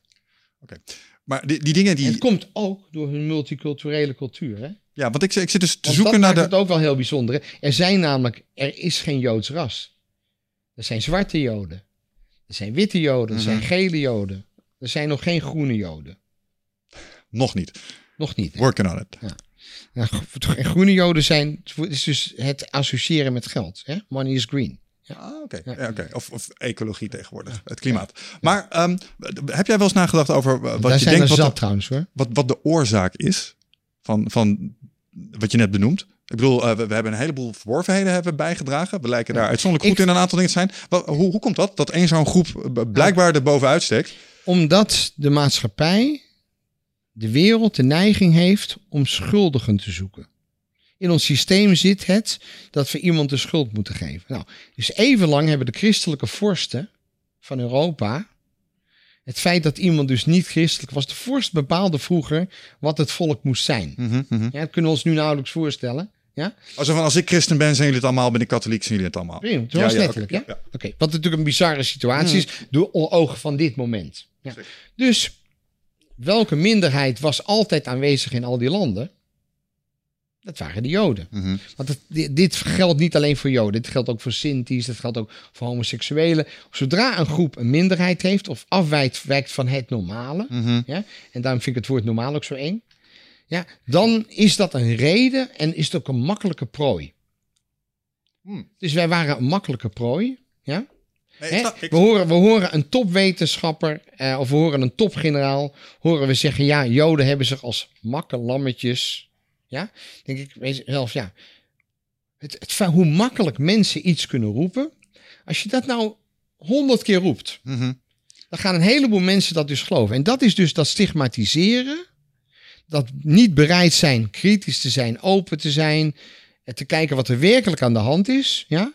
Alle fabels te willen geloven die erover Mhm. verteld worden. Nou, dat maakt dat in die historie Joden die overal minderheden waren, omdat ze geen e- eh, expansieve religie waren. Hè? De christenen wilden, als iedereen protestant was, moest iedereen protestant zijn. Dat wilden de moslims ook. dus die godsdiensten zijn enorm groot geworden. Mhm. Maar de Joden, weet je wat voor mij de definitie van een Jood is? Nee. Iemand st- stom genoeg om het te willen zijn. Eh, Oké. Is het een keus? Soms. Ja, je kan erin geboren worden of je kan het eh, omarmen, toch? Nou, kijk, voor de buitenwereld. ehm, mijn kinderen hebben een Chinees-katholieke moeder. Maar voor de buitenwereld zijn het Joodse kinderen. Mhm. En voor mij was het geen keus. Ik ben eh, geboren uit, voor zover als wij terug kunnen gaan, hebben we alleen Joodse voorouders. Ik heb niets met de religie, met de godsdienst. Ja. Ik heb heel veel met onze cultuur. Mm. Ja, maar ik denk dat we met elkaar net niet helemaal goed begrepen toen je me uitlegde waarom Joden zeg maar als zondebokken zijn eh, uitgekozen in al die eh, zeg maar fases van de geschiedenis. Dat was Wat- makkelijk. Want wat ik ja, dat snap ik, dat volg ik en ik snap dat dat soort mechanismen zijn. Wat ik bedoelde was, heb jij nagedacht over hoe het kan dat Joden, als je dan kijkt naar de hele wereldbevolking, eh, een bovengemiddeld talent hebben voor die dingen die je zojuist benoemde? Waar komt dat vandaan? Dat, dat kan ik je wel uitleggen. Dit Ja. is mijn visie. Ja, hè? ik ben daar benieuwd Ja, ja. Mijn visie is heel simpel. Ja? Als jij nou ehm, probeert ehm, insecten of ehm, bacteriën te vernietigen. Ja? Wat gebeurt er met de bacteriën die overblijven? Worden die, worden resistent? Wat? Worden resistent, worden Wat? sterker. Sterker. Ja. Begrijp je het? Dus door frictie en weerstand. Kijk, doordat wij gedwongen werden, allerlei, we mochten geen timmerman zijn. Dan moet ik zeggen dat we na eh Jozef ehm, alleen maar eh, veel problemen hebben gehad met het feit dat we timmerlui hadden in onze volvolkingsgroep. Daar hebben we al 2000 jaar last van. Maar ehm, dit is trouwens een grapje voor alle brave christenen die meeluisteren. Maar, ehm, ja, maar ik bedoel, dat dat maakt, ja, ja beg- begrijp je wat ik bedoel? Ik snap wat je bedoelt, want omdat er ook nog wel is, en dat is eh, waar een boel mensen dan over struikelen, wij zijn Gods volk. Wij zijn het uitverkorene volk. En als je die kant op neigt, eh, nou dan gaan een heleboel mensen oh, in de weerstand. Als jij zegt, hey, we zijn non-stop vervolgd, we hebben altijd moeten knokken ervoor. En dat heeft ons gehard, creatiever, slimmer gemaakt en, door, en volhardend. Dan zeg ik, dat snap ik. Ja. Want dat is een verdomd goede manier om sterker te worden. Ja. Ja, oké. Nee, oké. Dan- Dan volg ik je. Ja, en de, de religieuzen onder ons, Mm. ja, die roepen we zijn het uitverkoren volk. Ja, En ik roep we zijn het volk dat eh, de wereld de spiegel volhoudt. oké. Was even een interessant zijsprongje, maar ik vond het eh, waardevol om eh, in ieder geval eens eventjes daarin te Dat duiken. is weer eens wat anders, toch? Ben, Lijkt je, mij ook, ja. ja. ben je erg ehm, thuis in het Kabbalah? ja. Ja, ja. Ik studeer Kabbalah. Oh, serieus? Ja, Nou, ja. Kabbalah voor de luisteraars is de Joodse mystiek, hè? Dat is de, is- Nee, het is de mystiek die voortkomt uit het Jodendom. Maar het, ehm, en er zijn ook heel veel kabbalisten die rabbijnen waren. Maar Madonna is niet Joods. Ze is een enorme fan en zelfs Ja. wel de grootste promotor van Kabbalah. En ik heb ehm, twee jaar geleden in, in september heb ik... ehm dus inmiddels aankomende september alweer drie jaar. Heb ik, of is dat twee jaar? Heb ik Joods nieuwjaar in New York gevierd met de Kabbalah-organisatie. Nou, Mhm. de helft van de 3.500 aanwezigen. Dus de 3.500 man een feestje vieren is wel bijzonder. De helft is niet Joods. Ah. Hmm. Dus Kabbalah is een filosofie die zijn roots heeft in, ehm, de, in, de, in de mystiek. In de mystiek uit het Joodse volk. Ja. Maar staat ja, voor een heel stuk los van de religie. Wat is de kern van Kabbalah? Kern is ehm, zoeken naar het licht. Het licht in jezelf. En je realiseren dat je een klein radertje bent. Een vehikel van... Ja, godsdienstige mensen noemen dat het goddelijke. Mhm, Ja? mhm. Ik noem het het licht. Ik heb niet dat, eh, dat abstracte beeld van een god. Ja? En dat je dus er bent om iets toe te voegen aan het leven van anderen. En dat dat je gift is. Als, als ik dingen doe waar andere mensen beter van worden, word ik beter. Ja, ja, ja. Oh, dat is het. Ja. Is dat ook, het, eh, succes, is dat ook de succesformule? De secret? Absoluut. Kijk, op het moment dat eh, een ondernemer. Ik hoor veel jonge mensen zeggen: ik wil ook rijk worden. Dan kun je rijk natuurlijk op allerlei manieren definiëren. Ik ben rijk, want ik heb drie fantastische kinderen. Mhm. Ik ben rijk, want ik ben door jullie uitgenodigd. Hmm. Ik ben rijk omdat ik ja, eh, hier op deze planeet niet straks weg ben, dat niemand ooit over me gehoord heeft. Zoals vele van de 6,5 miljard die op deze planeet wel rondhangen. Dus Ja. rijkdom kun je op vele manieren specificeren. Maar ik had een doel. Ik wilde, ik wilde een formule maken voor jonge mensen die geen geld hadden, die daar blij van werden. Klanten die blij de winkel uitgingen. Ja. Dat was mijn talent. Ja. Dus, en door dat talent ben ik ook financieel onafhankelijk geworden. Mm. Maar dat zou de volgorde moeten zijn. Dan is er een reden en een beloning. Ja. Mm. Geld is niks anders dan een beloning. Jij werkt, krijg je een cheque, word je beloond voor wat je doet. Ja. Nou, ik neem een risico en hoe meer risico ik neem, hoe groter de kans op mijn beloning. Het is een scorebord. Ja. En dat is natuurlijk een heel groot verschil met mensen die zakken vullen vanuit corruptie of, eh, of op andere manieren. Mhm. ehm, ja, het geld van wat ze zelf niet verdiend hebben, verkeerd besteden. Heb je wel eens eh, in jouw bedrijf in de groei daarvan, hoor je dat wel eens, dat eh, men gaat expanderen, investeringsmaatschappij erbij of geld erbij. Heb je wel eens iemand in huis gehaald die er zodanig een potje van maakte dat het ook jouw geld heeft gekost en dat het, eh, Ja, de grootste potjes maak je zelf. ja, Zodra je gaat wijzen op andere mensen die fouten maken, dan ben je. Tuurlijk gebeurt dat. Hè? Ik, ik denk dat een goede leider is bezig met mensen. mm, Zorgen de juiste mensen op de juiste plaats te hebben en die mensen vanuit de juiste visie eh, aansturen. En ook eh, naar hun competenties te kijken om de methodiek van aansturen te bepalen. Nou, als je dat doet, dan gaat er meestal wel veel goed. Maar als je anderen de schuld geeft van het falen, waar jij uiteindelijk het meeste van profiteert als het goed gaat, maar ook het meeste risico loopt als het niet goed gaat, ja, dat lijkt me een eh zinloze exercitie. mm. Ben je, zou je jezelf een mensenmens benoemen? Mag jou veroordelen. Ehm, nou ja, goed, ik heb je natuurlijk nooit in een organisatie gezien. Ik denk niet dat je een organisatie kan bouwen zoals jij dat hebt gedaan. Als je geen relaties kan onderhouden met mensen. Maar ik zie wel iemand voor me die gruwelijk eigenwijs is. En een eigen eh, visie heeft. En, en ja, ik heb wel een beetje niet het idee dat het... We stappen op jouw boot. En anders, ja, dan stap je er maar lekker af. Is dat niet het... eh, Nou, ik zou willen dat ik zo consequent was. Kijk, je, je hebt met alles in het leven haters en lovers. mhm. Als je een duidelijkheid creëert, zeggen mensen, nou, dat spreekt me aan of dat spreekt me niet Ja, aan. ja. Dus ik heb altijd veel mensen om me heen gehad die mij heel erg plezierig of aantrekkelijk vonden. Mhm. Of die me een enorme klootzak vonden. Ja. Hoewel ik niet zoveel vijanden heb. Maar ik heb wel, ja, trouwens wel, toen met de Zesdaagse Oorlog kreeg ik dus 2 tot 300 bedreigingen, waaronder doodsbedreigingen, omdat ik dus een pro-Israël standpunt had. Mm. Nou, het feit dat je dat dus, dat dat kan gebeuren, Ja.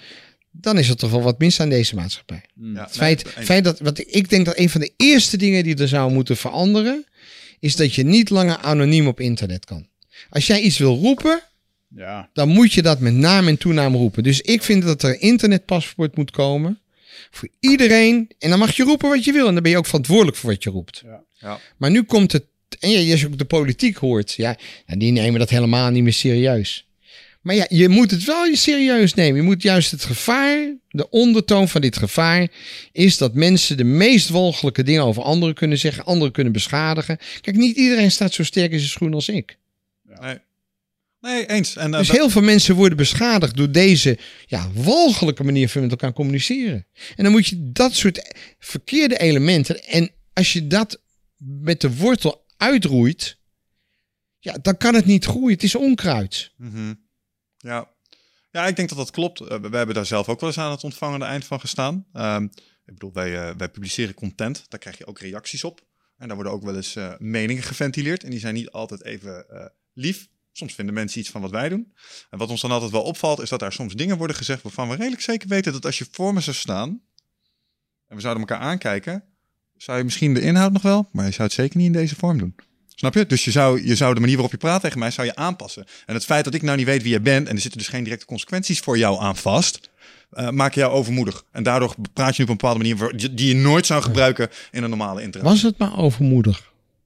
Het is niet eens overmoedig. Het is walgelijk. Die dingen kunnen hand dus- in hand gaan. Wat? Die dingen kunnen hand in hand gaan.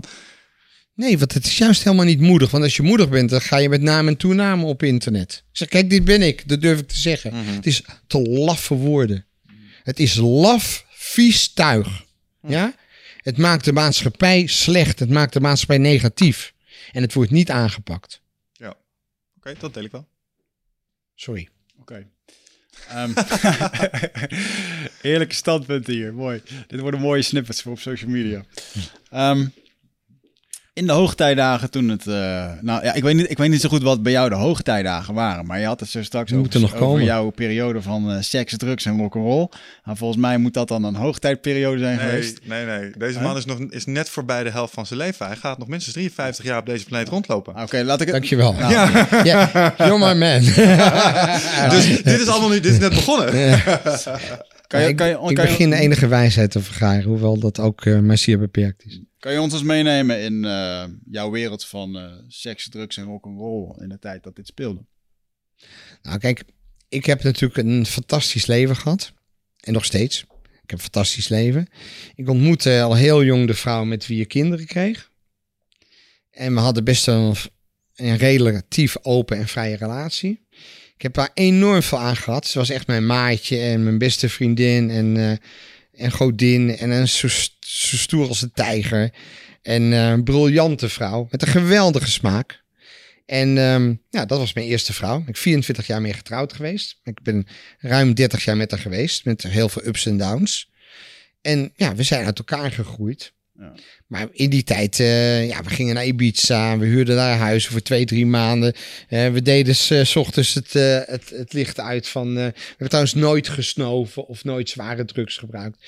We waren van de jointjes generatie. Dat ben ik nog steeds.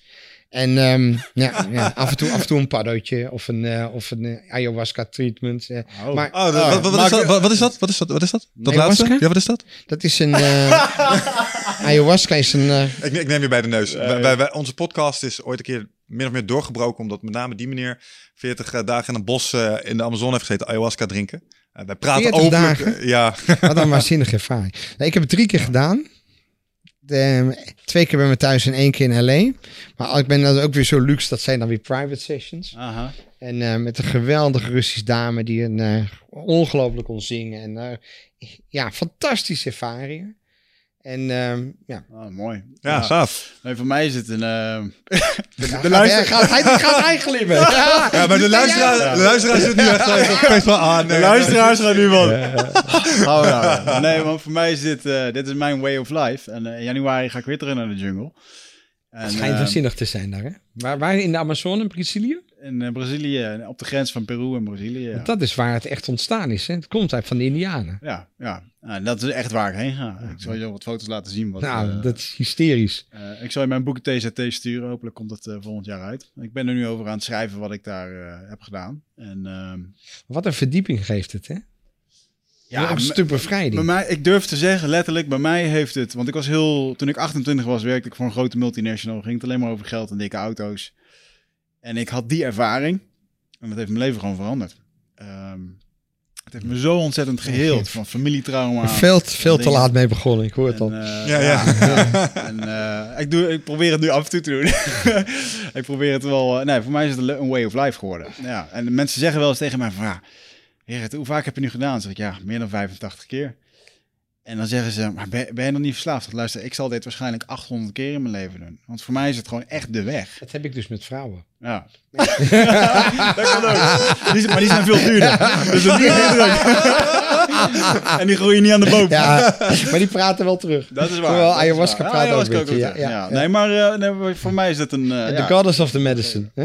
En, ehm, en in het begin nam ik het heel serieus als ik een soort van eh, zendeling hè, van, het, van het goed ayahuasca. En vandaag de dag ben ik er veel relaxter in. En eh, ja, ik, als je er niks mee hebt, kan me ook voorstellen. En ik verwacht van niemand dat ze de jungle ingaan. Nou, kijk, ik, ben, ehm, ik heb niet heel veel helden. Maar ik vind Steve Jobs een geweldige vent. En ik ben ook een enorme fan van de Beatles. Ik ben natuurlijk een kindje dat eh, de Beatles heeft zien opkomen. Ja, als je 52 geboren bent, heb je veel gezien. En ehm, ja, het feit dat Steve Jobs eerst zijn bedrijf Apple noemde. Ja, wat gewoon de platenmaatschappij van de Beatles was. Natuurlijk ook heel erg uniek. Weet je, dat... Oh, ik wist niet dat gewoon, nou- die, heb nee, gewoon die naam oh. letterlijk gepikt. En ehm, ja, het was gewoon... De, het label van de Beatles heette Apple. Oh. En daar heeft hij de naam van. Nou, Ja, hij was ook een enorme fan van de Beatles. En hij schre- schreef in zijn eh, biografie Van ja, iedereen in zijn leven moet een keer LSD gedaan hebben. Ja. Ja. Oké, dan heb je die prachtige song van de Beatles. Lucy in the sky with diamonds. Bom, Dat is dus LSD. Lucy in the sky with Ja, diamonds. de Beatles waren psychedelische jongens. Ah, wat lachen. Ja. Ja. Die zijn ook een tijdje naar India Ja. geweest. En dus die hele, die hele periode met Sgt. Pepper's Lonely Hearts Club Band, White Album. Die hele periode van de Beatles is bepaald geweest door een LSD-gebruik. Ja. Maar sowieso waren het natuurlijk ja, Ja. verlichte meesters in de cultuur en in de kunsten. En met zoveel humor en Ja. zoveel zelfspot. En, ja, dus de Beatles, maar ook Steve Jobs waren voor mij voorbeelden. Zoals ook Johan Cruijff een voorbeeld was. En ja, als je dan... Dus ik dacht, ik ga een keer LSD doen. Dat ga ik een keer meemaken. Mhm, Misschien ga mhm. ik dat nog steeds wel een keer doen. Maar wat me daar tegen van tegenstond, is het dat het chemisch is. Mhm. Nou, en toen kwam ik dus in aanraking met... Ik zit in een anti-aging project in eh, Amerika. En in mijn anti-aging eh, team zat een Russische dokter. Die Chinese medicijnen deed. Mhm. En we raakten daar zo... En ik werd er steeds mee, meer mee bevriend. Ik ging vier keer per jaar op een check-up eh, in, in Hollywood... waar echt de groten van de aarde zitten bij... Er zijn een paar van die anti-aging gurus. Ja, ja. En hij is er één van. En, ehm, en die, er zitten echt de grote der aarde komen bij hem. En ik denk dat de methodiek ook wel werkt. Als ik hem zelf zie met 67, dan ben ik toch wel wat beter in shape dan de meesten. Ja. Daar moet je zelf ook wel heel veel voor doen. Het is niet dat het cadeau komt. Niks Aha. komt cadeau. Ja, al het succes komt door heel hard werken. Eerst talent, maar dan moet je ook heel hard willen werken. Aha. Ehm, maar in, in ieder geval, toen kwam het dus op ayahuasca. En toen vertelde zij, net als jij, dat ze dat heel vaak gedaan had. Het veel problemen gehad. Ze was nu bezig eh, een eigen praktijk op te zetten. Maar werkte dus ook in dat team eh, bij Mike Carragher, mijn anti-aging dokter. En, ehm, nou, en die introduceerde mij dus, ik denk dat zal zijn geweest vier, vijf jaar geleden. Die introduceerde mij dus met ayahuasca Mhm. was een andere, was een Oekraïense dame. Kira heette ze. En die, eh, daar heeft een, eh, via Airbnb hebben we een eh villaatje gehuurd in de Valley. Nou, en zij was dus een medicus. Dus ik zei, nou, ik wilde wel graag dat je erbij bent, want dan voel ik me veilig. Dus toen, Mhm. toen zijn we ayahuasca gaan doen met z'n drieën. Nou, Ja.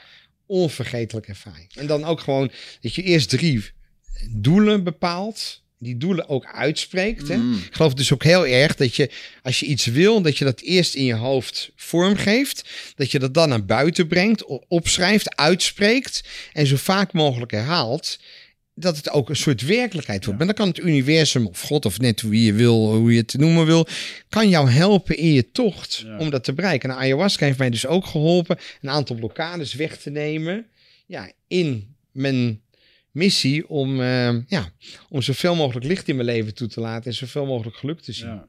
Ik, denk, ik vind het heel erg mooi van ayahuasca dat het, eh, het maakt niet uit of dat je Joods bent of dat je eh, eh, eh, een, een nuchter Hollandse jongen Atheïst, bent. Of, ja. of een atheïst of wat dan ook. Het zal jou inderdaad verrijken op een manier zoals dat bij jou past. Het is als het ware alsof je in Google zoekt en Google die kijkt op basis van wat je vroeger om hebt gezocht, geeft je gewoon- gewoon het beste resultaat, Ja. zoals jij het begrijpt.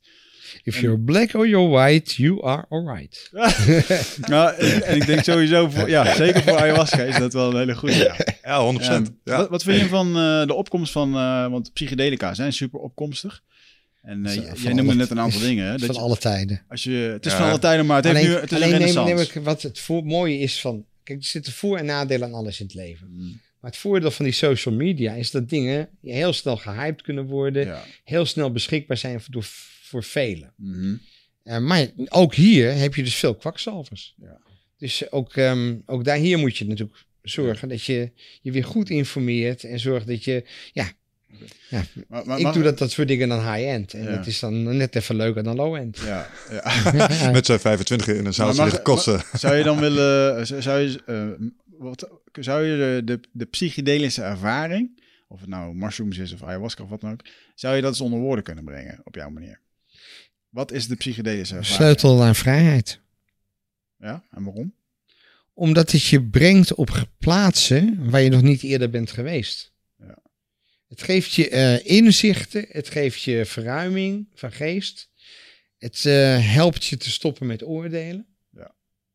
En, het, ehm, en ook oordelen over jezelf. Ja. ja Want eh, de meest negatieve oordelen die je mens kan vormen is... Kan je nagaan hoe ze over anderen praten, maar kan je nagaan hoe ze over zichzelf denken. Ja. Hoe meer mensen oordelen over anderen, hoe meer dat wat over hun zegt. Ja. Ja. Dus ja, ik denk dat het ja, vooral verruiming is. Maar het zijn ook verruimende middelen. Ja, ja. En heb je een idee dat... eh, heeft dat je ook geholpen in je ondernemerschap? Ja, ik ben een creator. Ja. Dus hoe vrijer je kan denken, hoe vrijer je kunt creëren zonder grenzen of begrenzing, ja, hoe, ja, hoe meer je kunt eh achieven, Ja, ja. Hè? bereiken. Heb je het wel eens met een traditionele shamaan gedaan? Nee. Oké. Misschien nog wel een keer interessant. Wij ja. houden contact. gaan doen. Ja, Wij houden contact. Dit we hebben raakvlak. Ja, ik heb iets voor je wat, eh, wat er waarschijnlijk aan gaat komen. Maar ik vind het wel heel gaaf om dit dan nu... ehm, nu kan ik dat wel delen. Jij weet het trouwens ook nog niet. Hmm. Ehm, ik ga regelmatig naar die Indianenstam toe. En ehm, ik had eh, twee weken geleden had ik een ayahuasca ceremonie. En daarin, weet je, ik probeer op mijn lezingen, op mijn verhalen met over Indianen en persoonlijke groei, probeer ik die boodschap heel erg te brengen. Van, joh, wat, wat er in dat bos gebeurt, is echt heel bijzonder. Zodra, zolang er geen blanke man is die daar naar olie gaat boren of naar goud gaat zoeken of wat dan ook, ken- kennen die mensen geen depressies, geen burn-outs, geen ziektes. Of kennen wel ziektes, maar anders. Mensen worden daar ook gewoon over de honderd. En, en op een hele andere manier als dat wij dat zijn. Nou, ervan Ze hebben uitgaand... wel dezelfde jaartelling. Hm? Ze hebben wel dezelfde Ja, ja, ja. ja. Want in de. Bijbel lees je ook dat mensen 150 jaar zijn, maar duurde een jaar en een half jaar. nee deze, mensen, deze mensen zijn ook eh, genummerd door het systeem in, eh, toen de Portugezen daar kwamen. Dus Indianen hebben tegenwoordig een paspoort. Ehm, Met dat erg voor ze. maar de, eh, de wetenschap dat,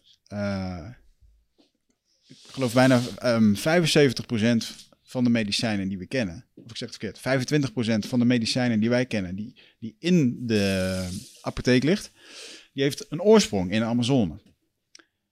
In 75% van de kankermedicijnen, tegen kanker, heeft oorsprong in de Amazone. En nu komt de grap. Minder dan 1% van alle planten in de Amazone is wetenschappelijk onderzocht.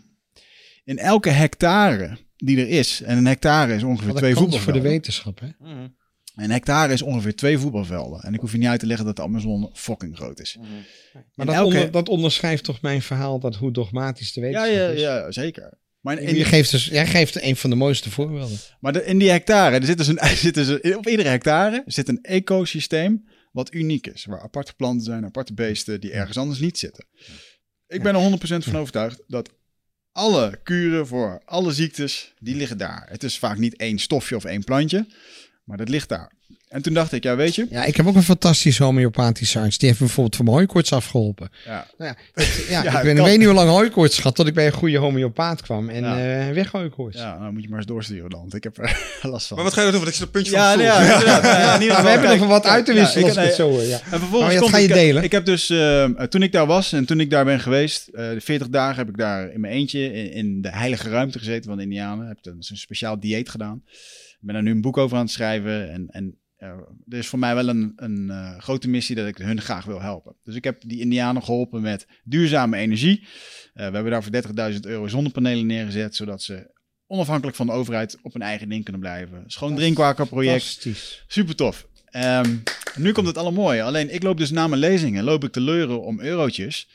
Voor, jongens, ik- donaties voor de Indianen, voor een plastic pijp hier, voor een pomp daar. En, en, en het voelde gewoon altijd een beetje... Beetje... Pijp klinkt niet zo ecologisch. Nee, maar, maar dat is wel het enige wat dan voorhanden is in Brazilië, dus je moet af en toe.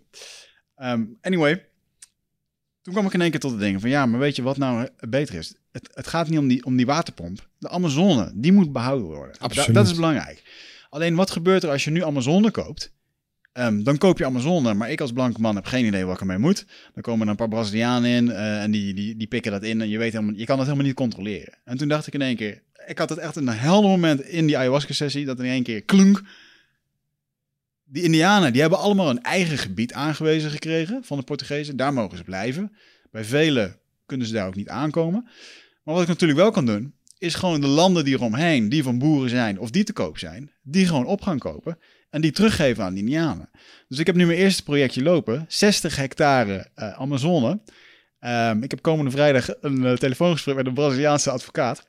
ehm, om de eerste 60 hectare op te kopen, een stichting op te zetten en dan vervolgens dat aan de Indianen te geven. Want die kunnen ermee omgaan, die weten precies wat ze hiermee moeten. Je er respect voor. Dat is allemaal als een lopend vuurtje gegaan, echt hilarisch. En toen dacht ik, ja, weet je, dit is de grote missie. Land kopen, teruggeven aan de bevolking die ermee om kan gaan. Maar ja, Rubberplantages opzetten, als je- miljonair worden. Als je, als, je, als, je toch, als je toch kijkt, al die discussies over klimaat en ecologie. Ja, eerst hakken we alle bomen om. Ja, dan graven we alles onder ons, graven alle gas en, en kolen eruit. Ja, dan sluiten we onze gascentrales, terwijl die in andere landen massaal geopend worden. En dan denken we, wat zijn we goed bezig? Hmm. Ja, het is best wel triest. Ga dan lekker allemaal, ieder, laat nou iedere burger eh, gewoon tien bomen planten per jaar. Oh, daar, zag ik, daar zag ik laatst eh, over bomen gesproken. Als ik de laatste tijd naar, eh, naar de wereld kijk en ik zie klimaatsverandering, ah, ik heb me daar best wel zorgen over gemaakt. Zo van, hey, als die zeespiegel stijgt of de temperatuur van de oceaan neemt toe, 2 graden, zijn we de, zijn we de shores. Toen las ik een artikel, 1 triljoen bomen.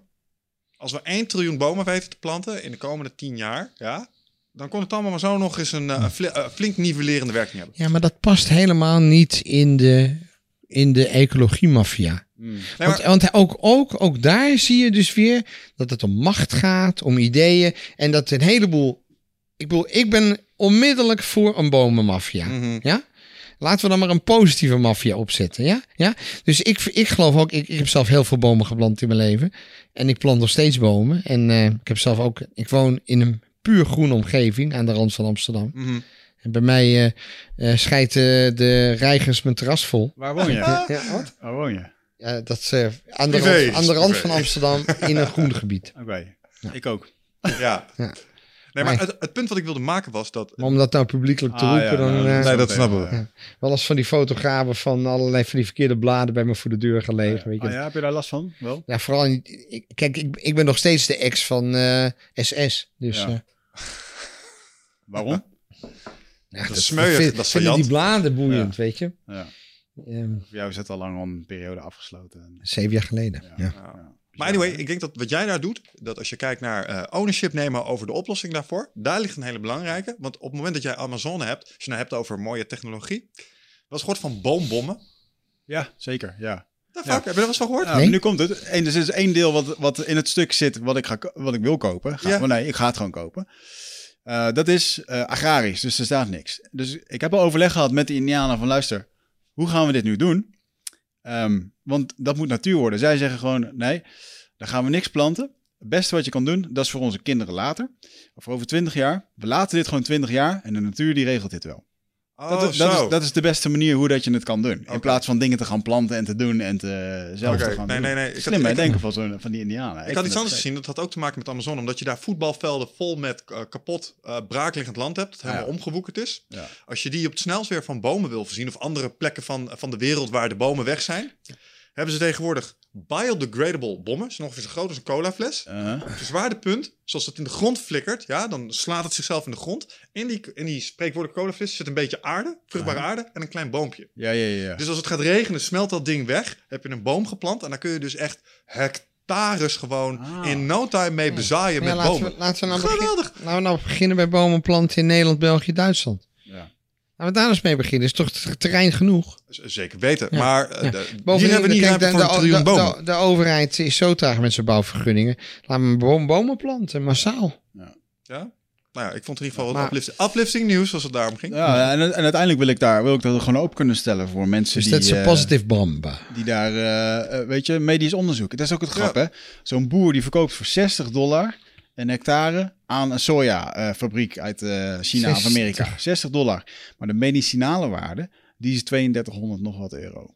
Als ze er wat mee zouden doen. Ja. En het zou opengesteld worden voor de medische wetenschap. Omdat er zoveel in zit. Ja, is, ja. Vraag je, wat, wat doet 60 hectare regenwoud tegenwoordig?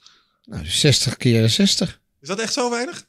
Kan ik voor Ehm, 60 euro echt een hectare... Ja, het ligt eraan waar dat je het. eh, het ligt er een beetje aan waar. Ah, laat het Bereikbaar. 100 zijn, dan vind ik het nog steeds. Eh, Een goede 60 hectare tussen de 13 en 20.000 euro. Oh, dat is veel meer dan 60 per... eh, Ja, maar dat is eventjes, dat ligt dan aan het gebied, zeg maar. Maar de, de boeren die dus echt, Maar dat is, dat is niet goedkoop, want dan praat je over 20 euro per vierkante meter. Dat is niet goedkoop. Dat Maar- vind ik daar niet goedkoop. Het ligt er dus aan waar. Want ehm, zit je dicht bij een, eh, Net een had je het stadje of een 60 dingetje. Ja, oké, maar dat zijn dus de boeren die eh hun soja dingen verkopen. Ehm, ik, ik, ja, weet je, ik ben onderzoek aan het doen voor mijn boek en ik zie dit soort getallen voorbij komen. Dus dit gaat erover dat er zijn een hele boeren aan de rand van de Amazone die hun land wat ze hebben verkopen aan sojaboeren. Maar in, Amer of in eh, Brazilië kun je iemand echt miljonair maken met enkele tienduizenden euro's. Kan hij heel lang van leven, en zeker in dat gebied. Ja. Ehm, maar je ziet ook wel een mooie wissel. Mooie missie. Succes. Ja, Ja. ja, ik weet zeker dat dat gaat doen. En wat het mooie daarvan is... Maar wat had dit met ayahuasca te maken? Eh, nou ja, dat, dat dit mede daardoor. Oh, ik begrijp het. Eh, Weet je, dan krijg je zo'n Ja. inzicht. En, eh, eh, en uiteindelijk vind ik het mooi, want ik kan weer met die Indianen en kan ik daar lekker blijven. Ik heb straks mijn eigen regenwoud.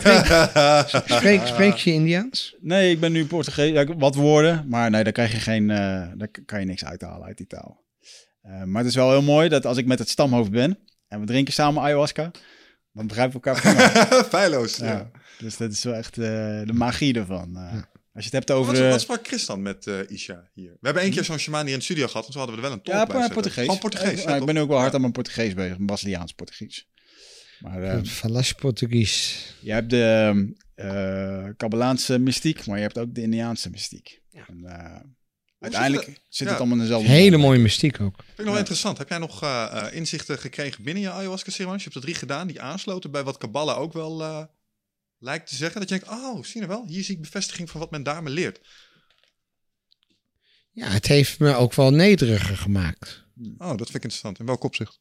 Nou, dat je je toch in zo'n sessie, ja, de grootheid van het heelal, de grootheid van het universum en de, de enorme beperkingen waarmee wij eh, hier alles doen. Ja. Hè? ja, dat klopt. Dankjewel. Hey, en ehm, ik zag jou net eh, blij worden, want zoals ik ga glimlachen van ayahuasca, gaat hij glimlachen van termen zoals longevity. En jij bent dus aan het investeren om daadwerkelijk 120 te worden. Ja. ja. Kennen elkaar te goed. Het staat hier inderdaad. Ja, ja. ja hoe doe je dat? Wat, eh, wat, hoe ziet Nou, zo'n therapie ehm, eruit? Begin natuurlijk met iedere dag lachen. Anti-stress. Nou, kijk, stress is op zich niet zo erg als het positieve stress is. Maar eh, stress, of voor, voor mij, ik krijg veel stress van onrechtvaardigheid. Ik kan heel slecht tegen oneerlijkheid en onrechtvaardigheid. En ehm, ja, of de minister die dingen over je roept, die echt van A tot Z gelogen zijn, omdat het in haar politieke straatje past. Hmm. Ehm, een NMA die Koelkit een boete geeft. Terwijl wij kunnen bewijzen dat ze opzettelijk ons niet geïnformeerd hebben om ons te kunnen aanpakken. Mhm. ja, een organisatie die gebouwd is ja, om de samenleving te beschermen, is een criminele organisatie die vanuit ja, het linkse gedachtegoed een rechtse ondernemer aan de aan dat eh, aan wil nagelen. Gelukkig is er dan in Nederland zoiets als een echt rechtssysteem. Dus de rechter heeft NMA veroordeeld en teruggefloten. De boete moet terug en zo. Maar ja, je hebt jaren van ellende en zulke grote krantenkoppen. En als je dan je gelijk haalt, dan hoort niemand het, weet niemand het, ziet niemand het. Ja. Dus ja, ik bet- betitel. En ik je dan, als je dan met zo'n directeur van zo'n NMA wil praten, de arrogantie. Ja, het is gewoon een crimineel. Oké.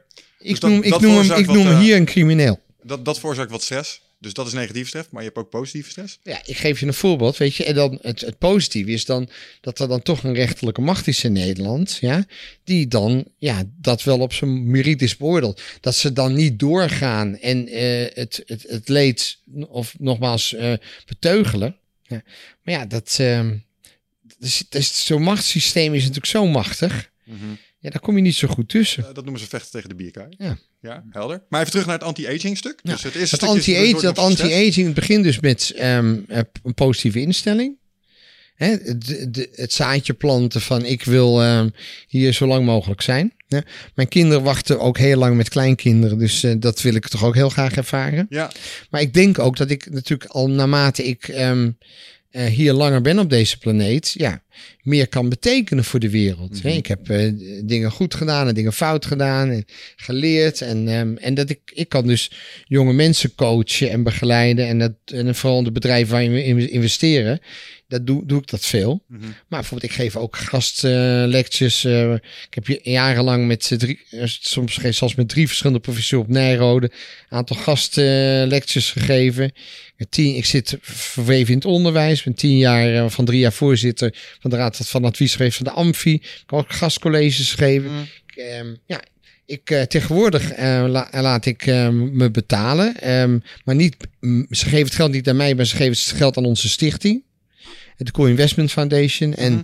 ja, dan krijg ik ja, vijf miljoen om te komen praten. En nou, daar kan ik dan eh Free a Girl mee blij maken. Of een andere mooie organisatie. Of leerorkest. Of eh, weet je, en ja, en dat mag ik dan niet bepalen. Dat bestaat het bestuur dan van de stichting. Mm. Maar is een manier om geld binnen te halen. En eh nou, er staan toch alweer flink wat afspraken. En eh, Goeie zaak.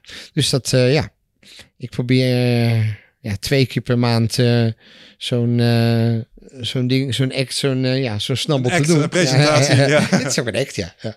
ja, ja, ja. Maar, maar eh, dus nog genoeg waarde te leveren op deze planeet voorlopig? Het is ook wel? een vorm van discipline. Dus zorgen dat bijvoorbeeld ehm, vanmorgen om eh, heb ik, had ik yogales. Ik heb twee keer in de week yoga. Mm. Twee keer in de week een fysiotherapie en trainen. Ik heb last van mijn onderrug en ik heb, ik heb, ehm, ik heb melanoom in mijn been. En ehm, dus dat, dat eh, wordt nu door de vakkundige team van uh, Tantoni van Leeuwenhoek eh, opgelost. Ik ben Mhm. ze heel dankbaar. Maar ja, dus ik, ik sport veel. Ehm, ik, ehm, ik train één keer in de week met Radmilo Soda. Dat is een eh, Bekend, ja. oud bokskampioen, een waanzinnig inspirerende man. En daar kom ik echt, eh, heb ik ook echt, eh, ik heb er gisteren mee getraind. Ik heb echt, kon, kon de vorige week kon mijn armen niet omhoog doen dat ik een dag nadat ik getraind had. Dus alles doet pijn. Maar ja, ja ik, ik moet nu ietsje te zwaar zijn, want als je heb je iets meer weerstand voor je behandeling dan. ehm, maar dus ja, het begint dus met iedere keer weer opnieuw ook bewust zijn van wat je doet. Mhm. Ja? Als ik de ene dag eh, een paar glazen wijn drink, dan doe ik het de volgende dag niet. Ja. Als ik eh, een, eh, een pasta wongole of een pasta met eh, truffels eet, dan zorg ik dat ik de volgende dag minder koolhydraten. Dus gewoon jezelf in balans houden. Weet Ja. je? je, mag best een keer uit de boot of uit, uit de band springen. En ik geloof best wel in soms in extremiteiten binnen het positieve dan. Hè? Ja, ja. Maar ja, dus gewoon zorgen voor goede regelmaat en, eh, en veel liefde en zorg om je Dus heen. inspanning en voeding hoor ik erbij. En, en zit je ook, als het gaat om longevity, ehm, doe je ook dingen ehm, op bijvoorbeeld bloedniveau? TRT, testosteron replacement therapy, stamcelachtige activiteiten? Nog niet. Nog niet. Nee. Onderdeel van het programma op, la- op langere termijn? Ehm, de wetenschappers die ik om me heen heb, Mhm. en we investeren ook in een aantal weten, die roepen allemaal dat het nog niet zo ver is. Oké. Maar er zijn wel eh, vriendjes van mij die in Duitsland hebben ze zo'n eh, bloedtherapie gedaan. En eh, ook het DNA, weet je, wat opgeblazen wordt. Ja. En eh, in een centrifuge. weer terug erin en gestopt. ja. terug in. Ja, we weten nog niet precies wat voor een effect dat heeft. Ehm, maar ja, er zijn ook andere middelen. Ik, ik gebruik wel eh, een aantal middelen om mijn lichaam te versterken. Ja, Ik heb ook een tijdje groeihormonen ges- eh, gespoten. ja. Daar ben ik mee gestopt, want dat is gevaarlijk met melanoom. Oké. Althans, ja, we we weten- de groei ontzettend Ja, natuurlijk. Ja, snap ik. Maar ehm, ja, dus nou, ik, ik denk dat als ik mezelf vergelijk met eh, eh, de gemiddelde man van 67, dat ik dat is best goed. gaat best heel goed, heel goed zelfs, ja. Dus- maar je hebt een daily stack? Om maar even zo te zeggen, jij neemt standaard visolie, magnesium of wat dan ook? Of is er een scala aan eh, dingetjes die je... Ik, ehm, ik heb een hele apotheek thuis, ja. maar ook heel veel homeopathisch. Ja, ja, nou, we zitten ook een beetje in, eh, in dat speelveld. Dus vandaar dat ik het interessant Ja. vind. Eh, zelfs ge- gebruik ik heel veel visolie magnesium. Dat, dat heeft veel positief Magnesium, is heel goed, ja. Ik gebruik heel veel. Ik gebruik een aantal Chinese sporen. Oké, Eh, ik gebruik eh, ginseng. ja. uit Korea. Ik, ik heb het over de hele wereld gereisd en overal kan je iets moois meenemen. Ja, Ja, en, ehm, dus ja, eigenlijk vrij breed. Weinig synthetisch hoor ik. Allemaal Wat? organisch, biologisch. Ja. Ja. Ik geloof niet zo erg in synthetische middelen. Nee, ik merkte het met- toen je het over LSD had. Zo van, liever dat niet, want Ja, ik weet je, als je kan kiezen tussen eh, paddo's en, en, en eh, ayahuasca of LSD. Maar dat, eh, toch ben ik van plan om eens een keer in een vrij weekend of in een heel lang weekend het eens een keer te doen. Om de ervaring een keer mee te pakken. Ja, ja. Ja? Ja. Maar dan ook wel weer goed begeleid. dat zou ik doen. Eh, ja. Ja, of misschien is Heb jij micro... het wel eens gedaan? LSD niet. Eh, tenminste niet in de macro-doseringsvorm. Ik heb iets eh, ge- geprobeerd dat lijkt er moleculair op in microdoseervorm. Maar eh, ayahuasca, truffels, cannabis, Ja. allemaal wel Ik mee. heb eh, nu net via een, een vriend van mij hele fantastische chocolaatjes gekocht. Daar zitten CPD-druppels in. Ja? Er zit Franke, Franke eh, olie in. Franke olie. En er zit eh, ook eh truffels paddo's in. Dat wordt een gezellige avond. En, ehm, ja. en dan moet je wel op je lege maag doen. Ja. Dus, eh, dus, eh, dus ehm, Maar in de zin ga van binnenkort micro- met mijn vriendinnetje ga ik eh, Leuk. dat eh, Ja. een keertje doen. Zeer sfeerverhogend eh, voor een Ja. gezellige avond Ja. samen zo Ja. af en toe. Ja. Ja, mooi. Lekker op de bank en eh, Dat is ook mijn favoriete pastime hoor, om het Ja. op die manier te doen Ja. en in te zetten. Dus eh, ja, mooi. dat zullen een hoop zakenlui nu van mij denken. Ja, dit is de enige podcast waar iedereen... Of juist eh, niet. Misschien, misschien zal, ik denk dat als je mensen die tot op deze niveaus eh, doordringen en zo'n intens leven leiden, dat die allemaal wel iets hebben.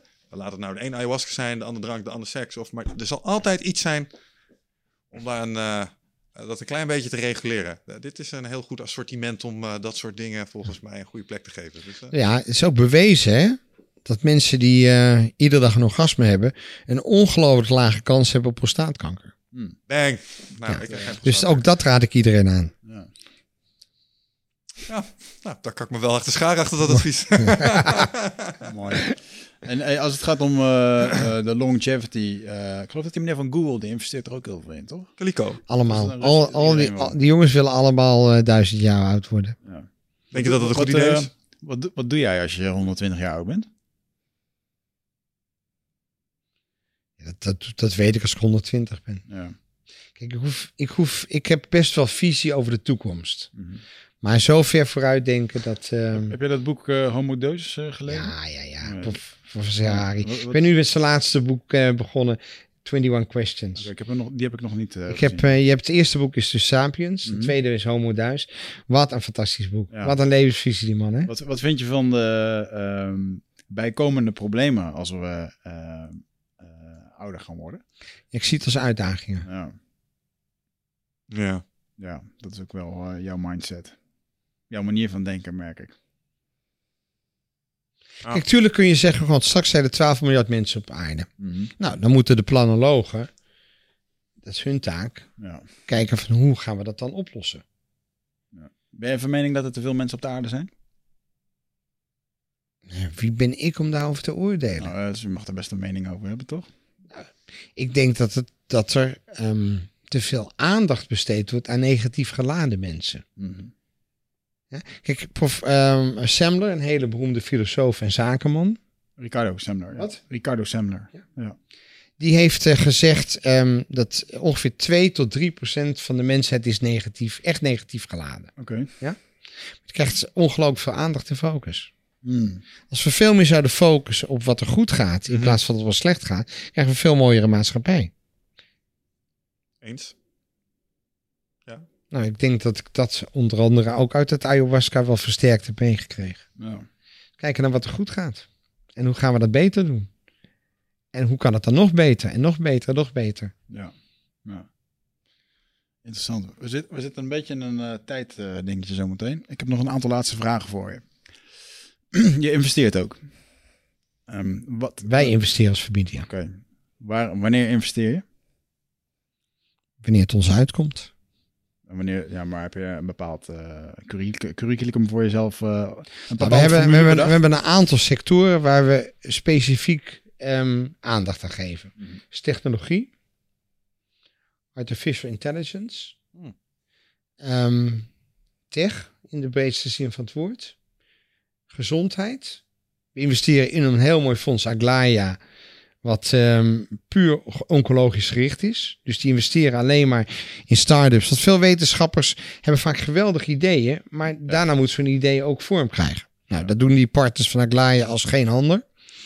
Um, dus wij investeren voor een deel rechtstreeks en voor een deel in fondsen. Nou, dat is allemaal de strategie van mijn zoon, die investmentbanker was bij ING. Mm-hmm. En, um, ja, en ik support hem daarin. Bijvoorbeeld, ja. uh, we, hebben, we, hebben, geïnvesteerd in een fantastisch bedrijf, heet Stucom.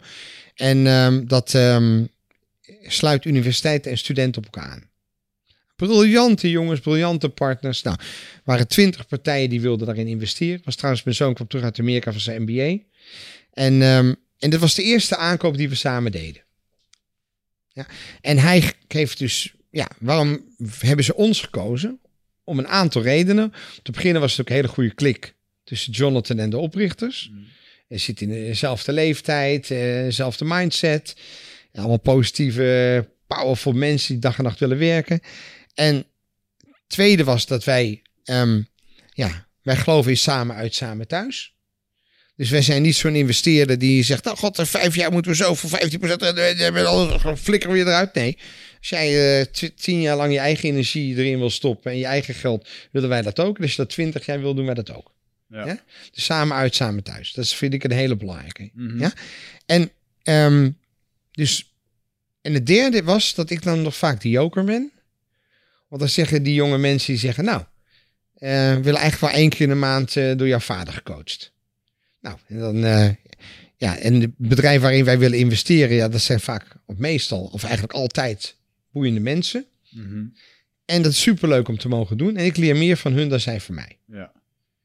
Dus eh, het is een eh, ja, fantastisch proces. ja, mooi. Dus ja, het, het, de energie van jonge mensen. The only difference between men and boys is the size of their toys.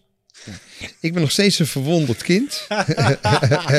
ja, en ik, eh, ik heb een heel jong vriendinnetje nu. En ehm, ik heb het, sowieso ben ik een heel vrij mensen. Dus ik geloof niet meer in vaste relaties. Ik geloof ook helemaal niet in monogamie.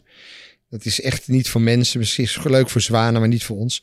En ehm, dus, ehm, ja. Ja, dat, dat, Ja, meen, ik, nee, dat meen ik oprecht ja, uit, uit de grond van mijn hart. Hè? Ja, ja, ja. Ja. Serie monogamie of eh, ik dat niet uit? Nou, ik geloof niet in het woord monogamie. Ik geloof in liefde. Ik geloof in aandacht. Ik geloof in respect. Ja. En elkaar met respect behandelen. Maar ik geloof niet dat je jezelf allerlei dingen moet ontzeggen. Tegenwoordig, als je het dan echt per se in een hokje wil, daar ben je dan non-monogaam, polyamoreus. Polyamoreus. Ja, zeker. Maar dan ben ik helemaal de draad van mijn verhaal kwijtgeraakt. Wat wilde ik nou zeggen? Wat vroeg je eigenlijk? Ehm, Ben je het ook vergeten? Nee, nee, in de zin van... eh, Boys and the Toys, daar Boys ging and het the over. Toys, daar Ja, ging het over. ja dus het, het, ja, dan zegt mijn vriendin, jij maakt altijd van die, van die gekke dansjes. Of ik, eh, ja, ik ben, ik ben, ik heb niet zoveel last dat ik, ehm, ja, sowieso eh, voor een man is alles wat hij er beter uitziet dan een aap meegenomen. Ja, ik geloof, ja, ik geloof, ik geloof heel erg in energie. Ja, weet je, ik, ehm, ik zat laatst met een hele leuke eh, eh, dame te lunchen of te eten. En we zaten te eten. En eh, hadden we met elkaar een afspraak. En die is veel jonger dan ik. en en die zei, nou, toen we een uur met elkaar zaten, van ja, dit was toch veel leuker dan ik dacht. Ja, want ja, het, het gaat erom dat je die, de energie die je als mens hebt, dat is heel erg bepalend. Mhm. Tuurlijk is het leuk als je een mooie fysiek hebt. Hè? Dus ik, ik kijk ook graag naar eh, een vrouw met mooie billen. Vind ik leuker dan een vrouw met slappe billen. Hè? Eerlijk is eerlijk. Maar die vrouw met slappe billen kan best veel boeiender zijn dan die vrouw met mooie billen. Het is maar net wat je wil. Heerlijk dit. Ja. Ehm, wat wil ik nou nog meer vragen? Ja, dan heb ik, je, Ja. heb ik jou ook Nee, nee, stilgekregen. Nee, Ik weet hem, ik weet hem weer. Ik weet hem, ik weet hem weer. Ehm, je bent lid van het eh, kleine clubje, de Quote 500. Enigszins, eh, daar sta je in. Ehm, voel je je verbonden met het clubje van de Quote 500? Nou, niet specifiek. Het is niet zo dat het een... eh, ehm, het hangt niet met elkaar. Nee. Nee. Ik bedoel, we, we hadden, eh, Quote heeft eh, vorig jaar voor spieren, voor spieren van Louis van Gaal een voetbalwedstrijd georganiseerd van een miljonairsteam Mhm. tegen oud internationals. Het was een geweldige happening. Met een half miljoen opgehaald. Mhm. Grote, de grote drivers waren Dirk-Jan Bakker. ehm, die eh, zich nogal druk maakte omdat hij zwaar financieel onderschat wordt. Briljante man, topsporter, gewoon fantastische zakenman. Ik ben heel trots op hem. En ehm, ja, maar ja, ik hoef niet op die lijst te staan. Nee. Daar heb ik, ik heb er meer nadeel dan voordeel van. Maar ja, als je dan toch op die lijst staat, dan doe er dan maar je profijt van. Dus eh, ik, ik ik ben wat makkelijker bereikbaar voor, eh, weet je, als, als ik ergens binnenkom, Ja. dan heb ik natuurlijk al het stempel van succes. Ja. En dat, dat maakt dat mensen wat eerder ons vertrouwen geven dan iemand die die stempel van succes niet heeft. Ja, ja, ja. Dus ja, alles heeft voor- en nadelen. Ja, wat is het nadeel? Wat, wat, wat, wat waren de nadelen die je merkte toen je begon, toen, toen je enigszins bekend kwam te staan als iemand eh, succesvol en... eh, Afgunst. Ja? Ja. Echt? Nederland is afgunstig verland. Een afgunstig volk. hmm. Mensen, weet je, als jij in Italië met een prachtige Ferrari, oh, che bella, che, che macchina, eh, bravo, bravo. En je, wat een klootzak, hè? En dan zijn ze nog in staat om er een kras over te maken ook. Dus het is, het is dat misgunnen. Ja. Maar het vervelende is, als ze diezelfde energie nou zouden stoppen in hun eigen ontwikkeling, Ja. Zouden ze veel meer bereiken. Ja, ja, ja, ja. Dan kun je er ik rijd zelf toch ook wel, in ik rijd toch wel in die Aston Martin. Dat gaan ze me niet afnemen. ja, ja. Als dat leuk vindt of ja. niet, ja. Lekker. ja. Ja, Mooi. Mooi. Oké. Had jij nog eh, brandende laatste... Ja, ik had hem ook nog even op dat seks, drugs en rock'n'roll ding zitten. Eh, eentje wat ik me afvroeg, maar ik denk dat ik het antwoord eigenlijk al heb. Je geeft aan, dat was wel een, eh, een rode draad door je leven. Je bent 67. Het lijkt nog steeds een thema te zijn in je leven. Ehm, verwacht je dat dat nog heel veel minder zal worden?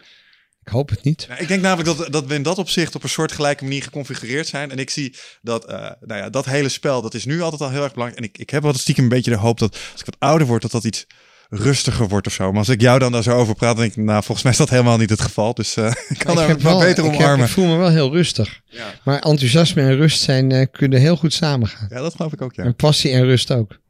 Zeker. Mooi, dankjewel. Mag ik jullie danken voor het superleuke gesprek. Ja, tuurlijk. Jij ook? Dankjewel. Kom over eh, een tijdje maar terug als je... eh, over 20 jaar, als we het nog steeds doen. Laten we dat eh, doen. Ja, is goed. Top. Dankjewel. Thanks, bedankt. Hem Luisteraars, dankjewel. Tot de volgende. Ciao.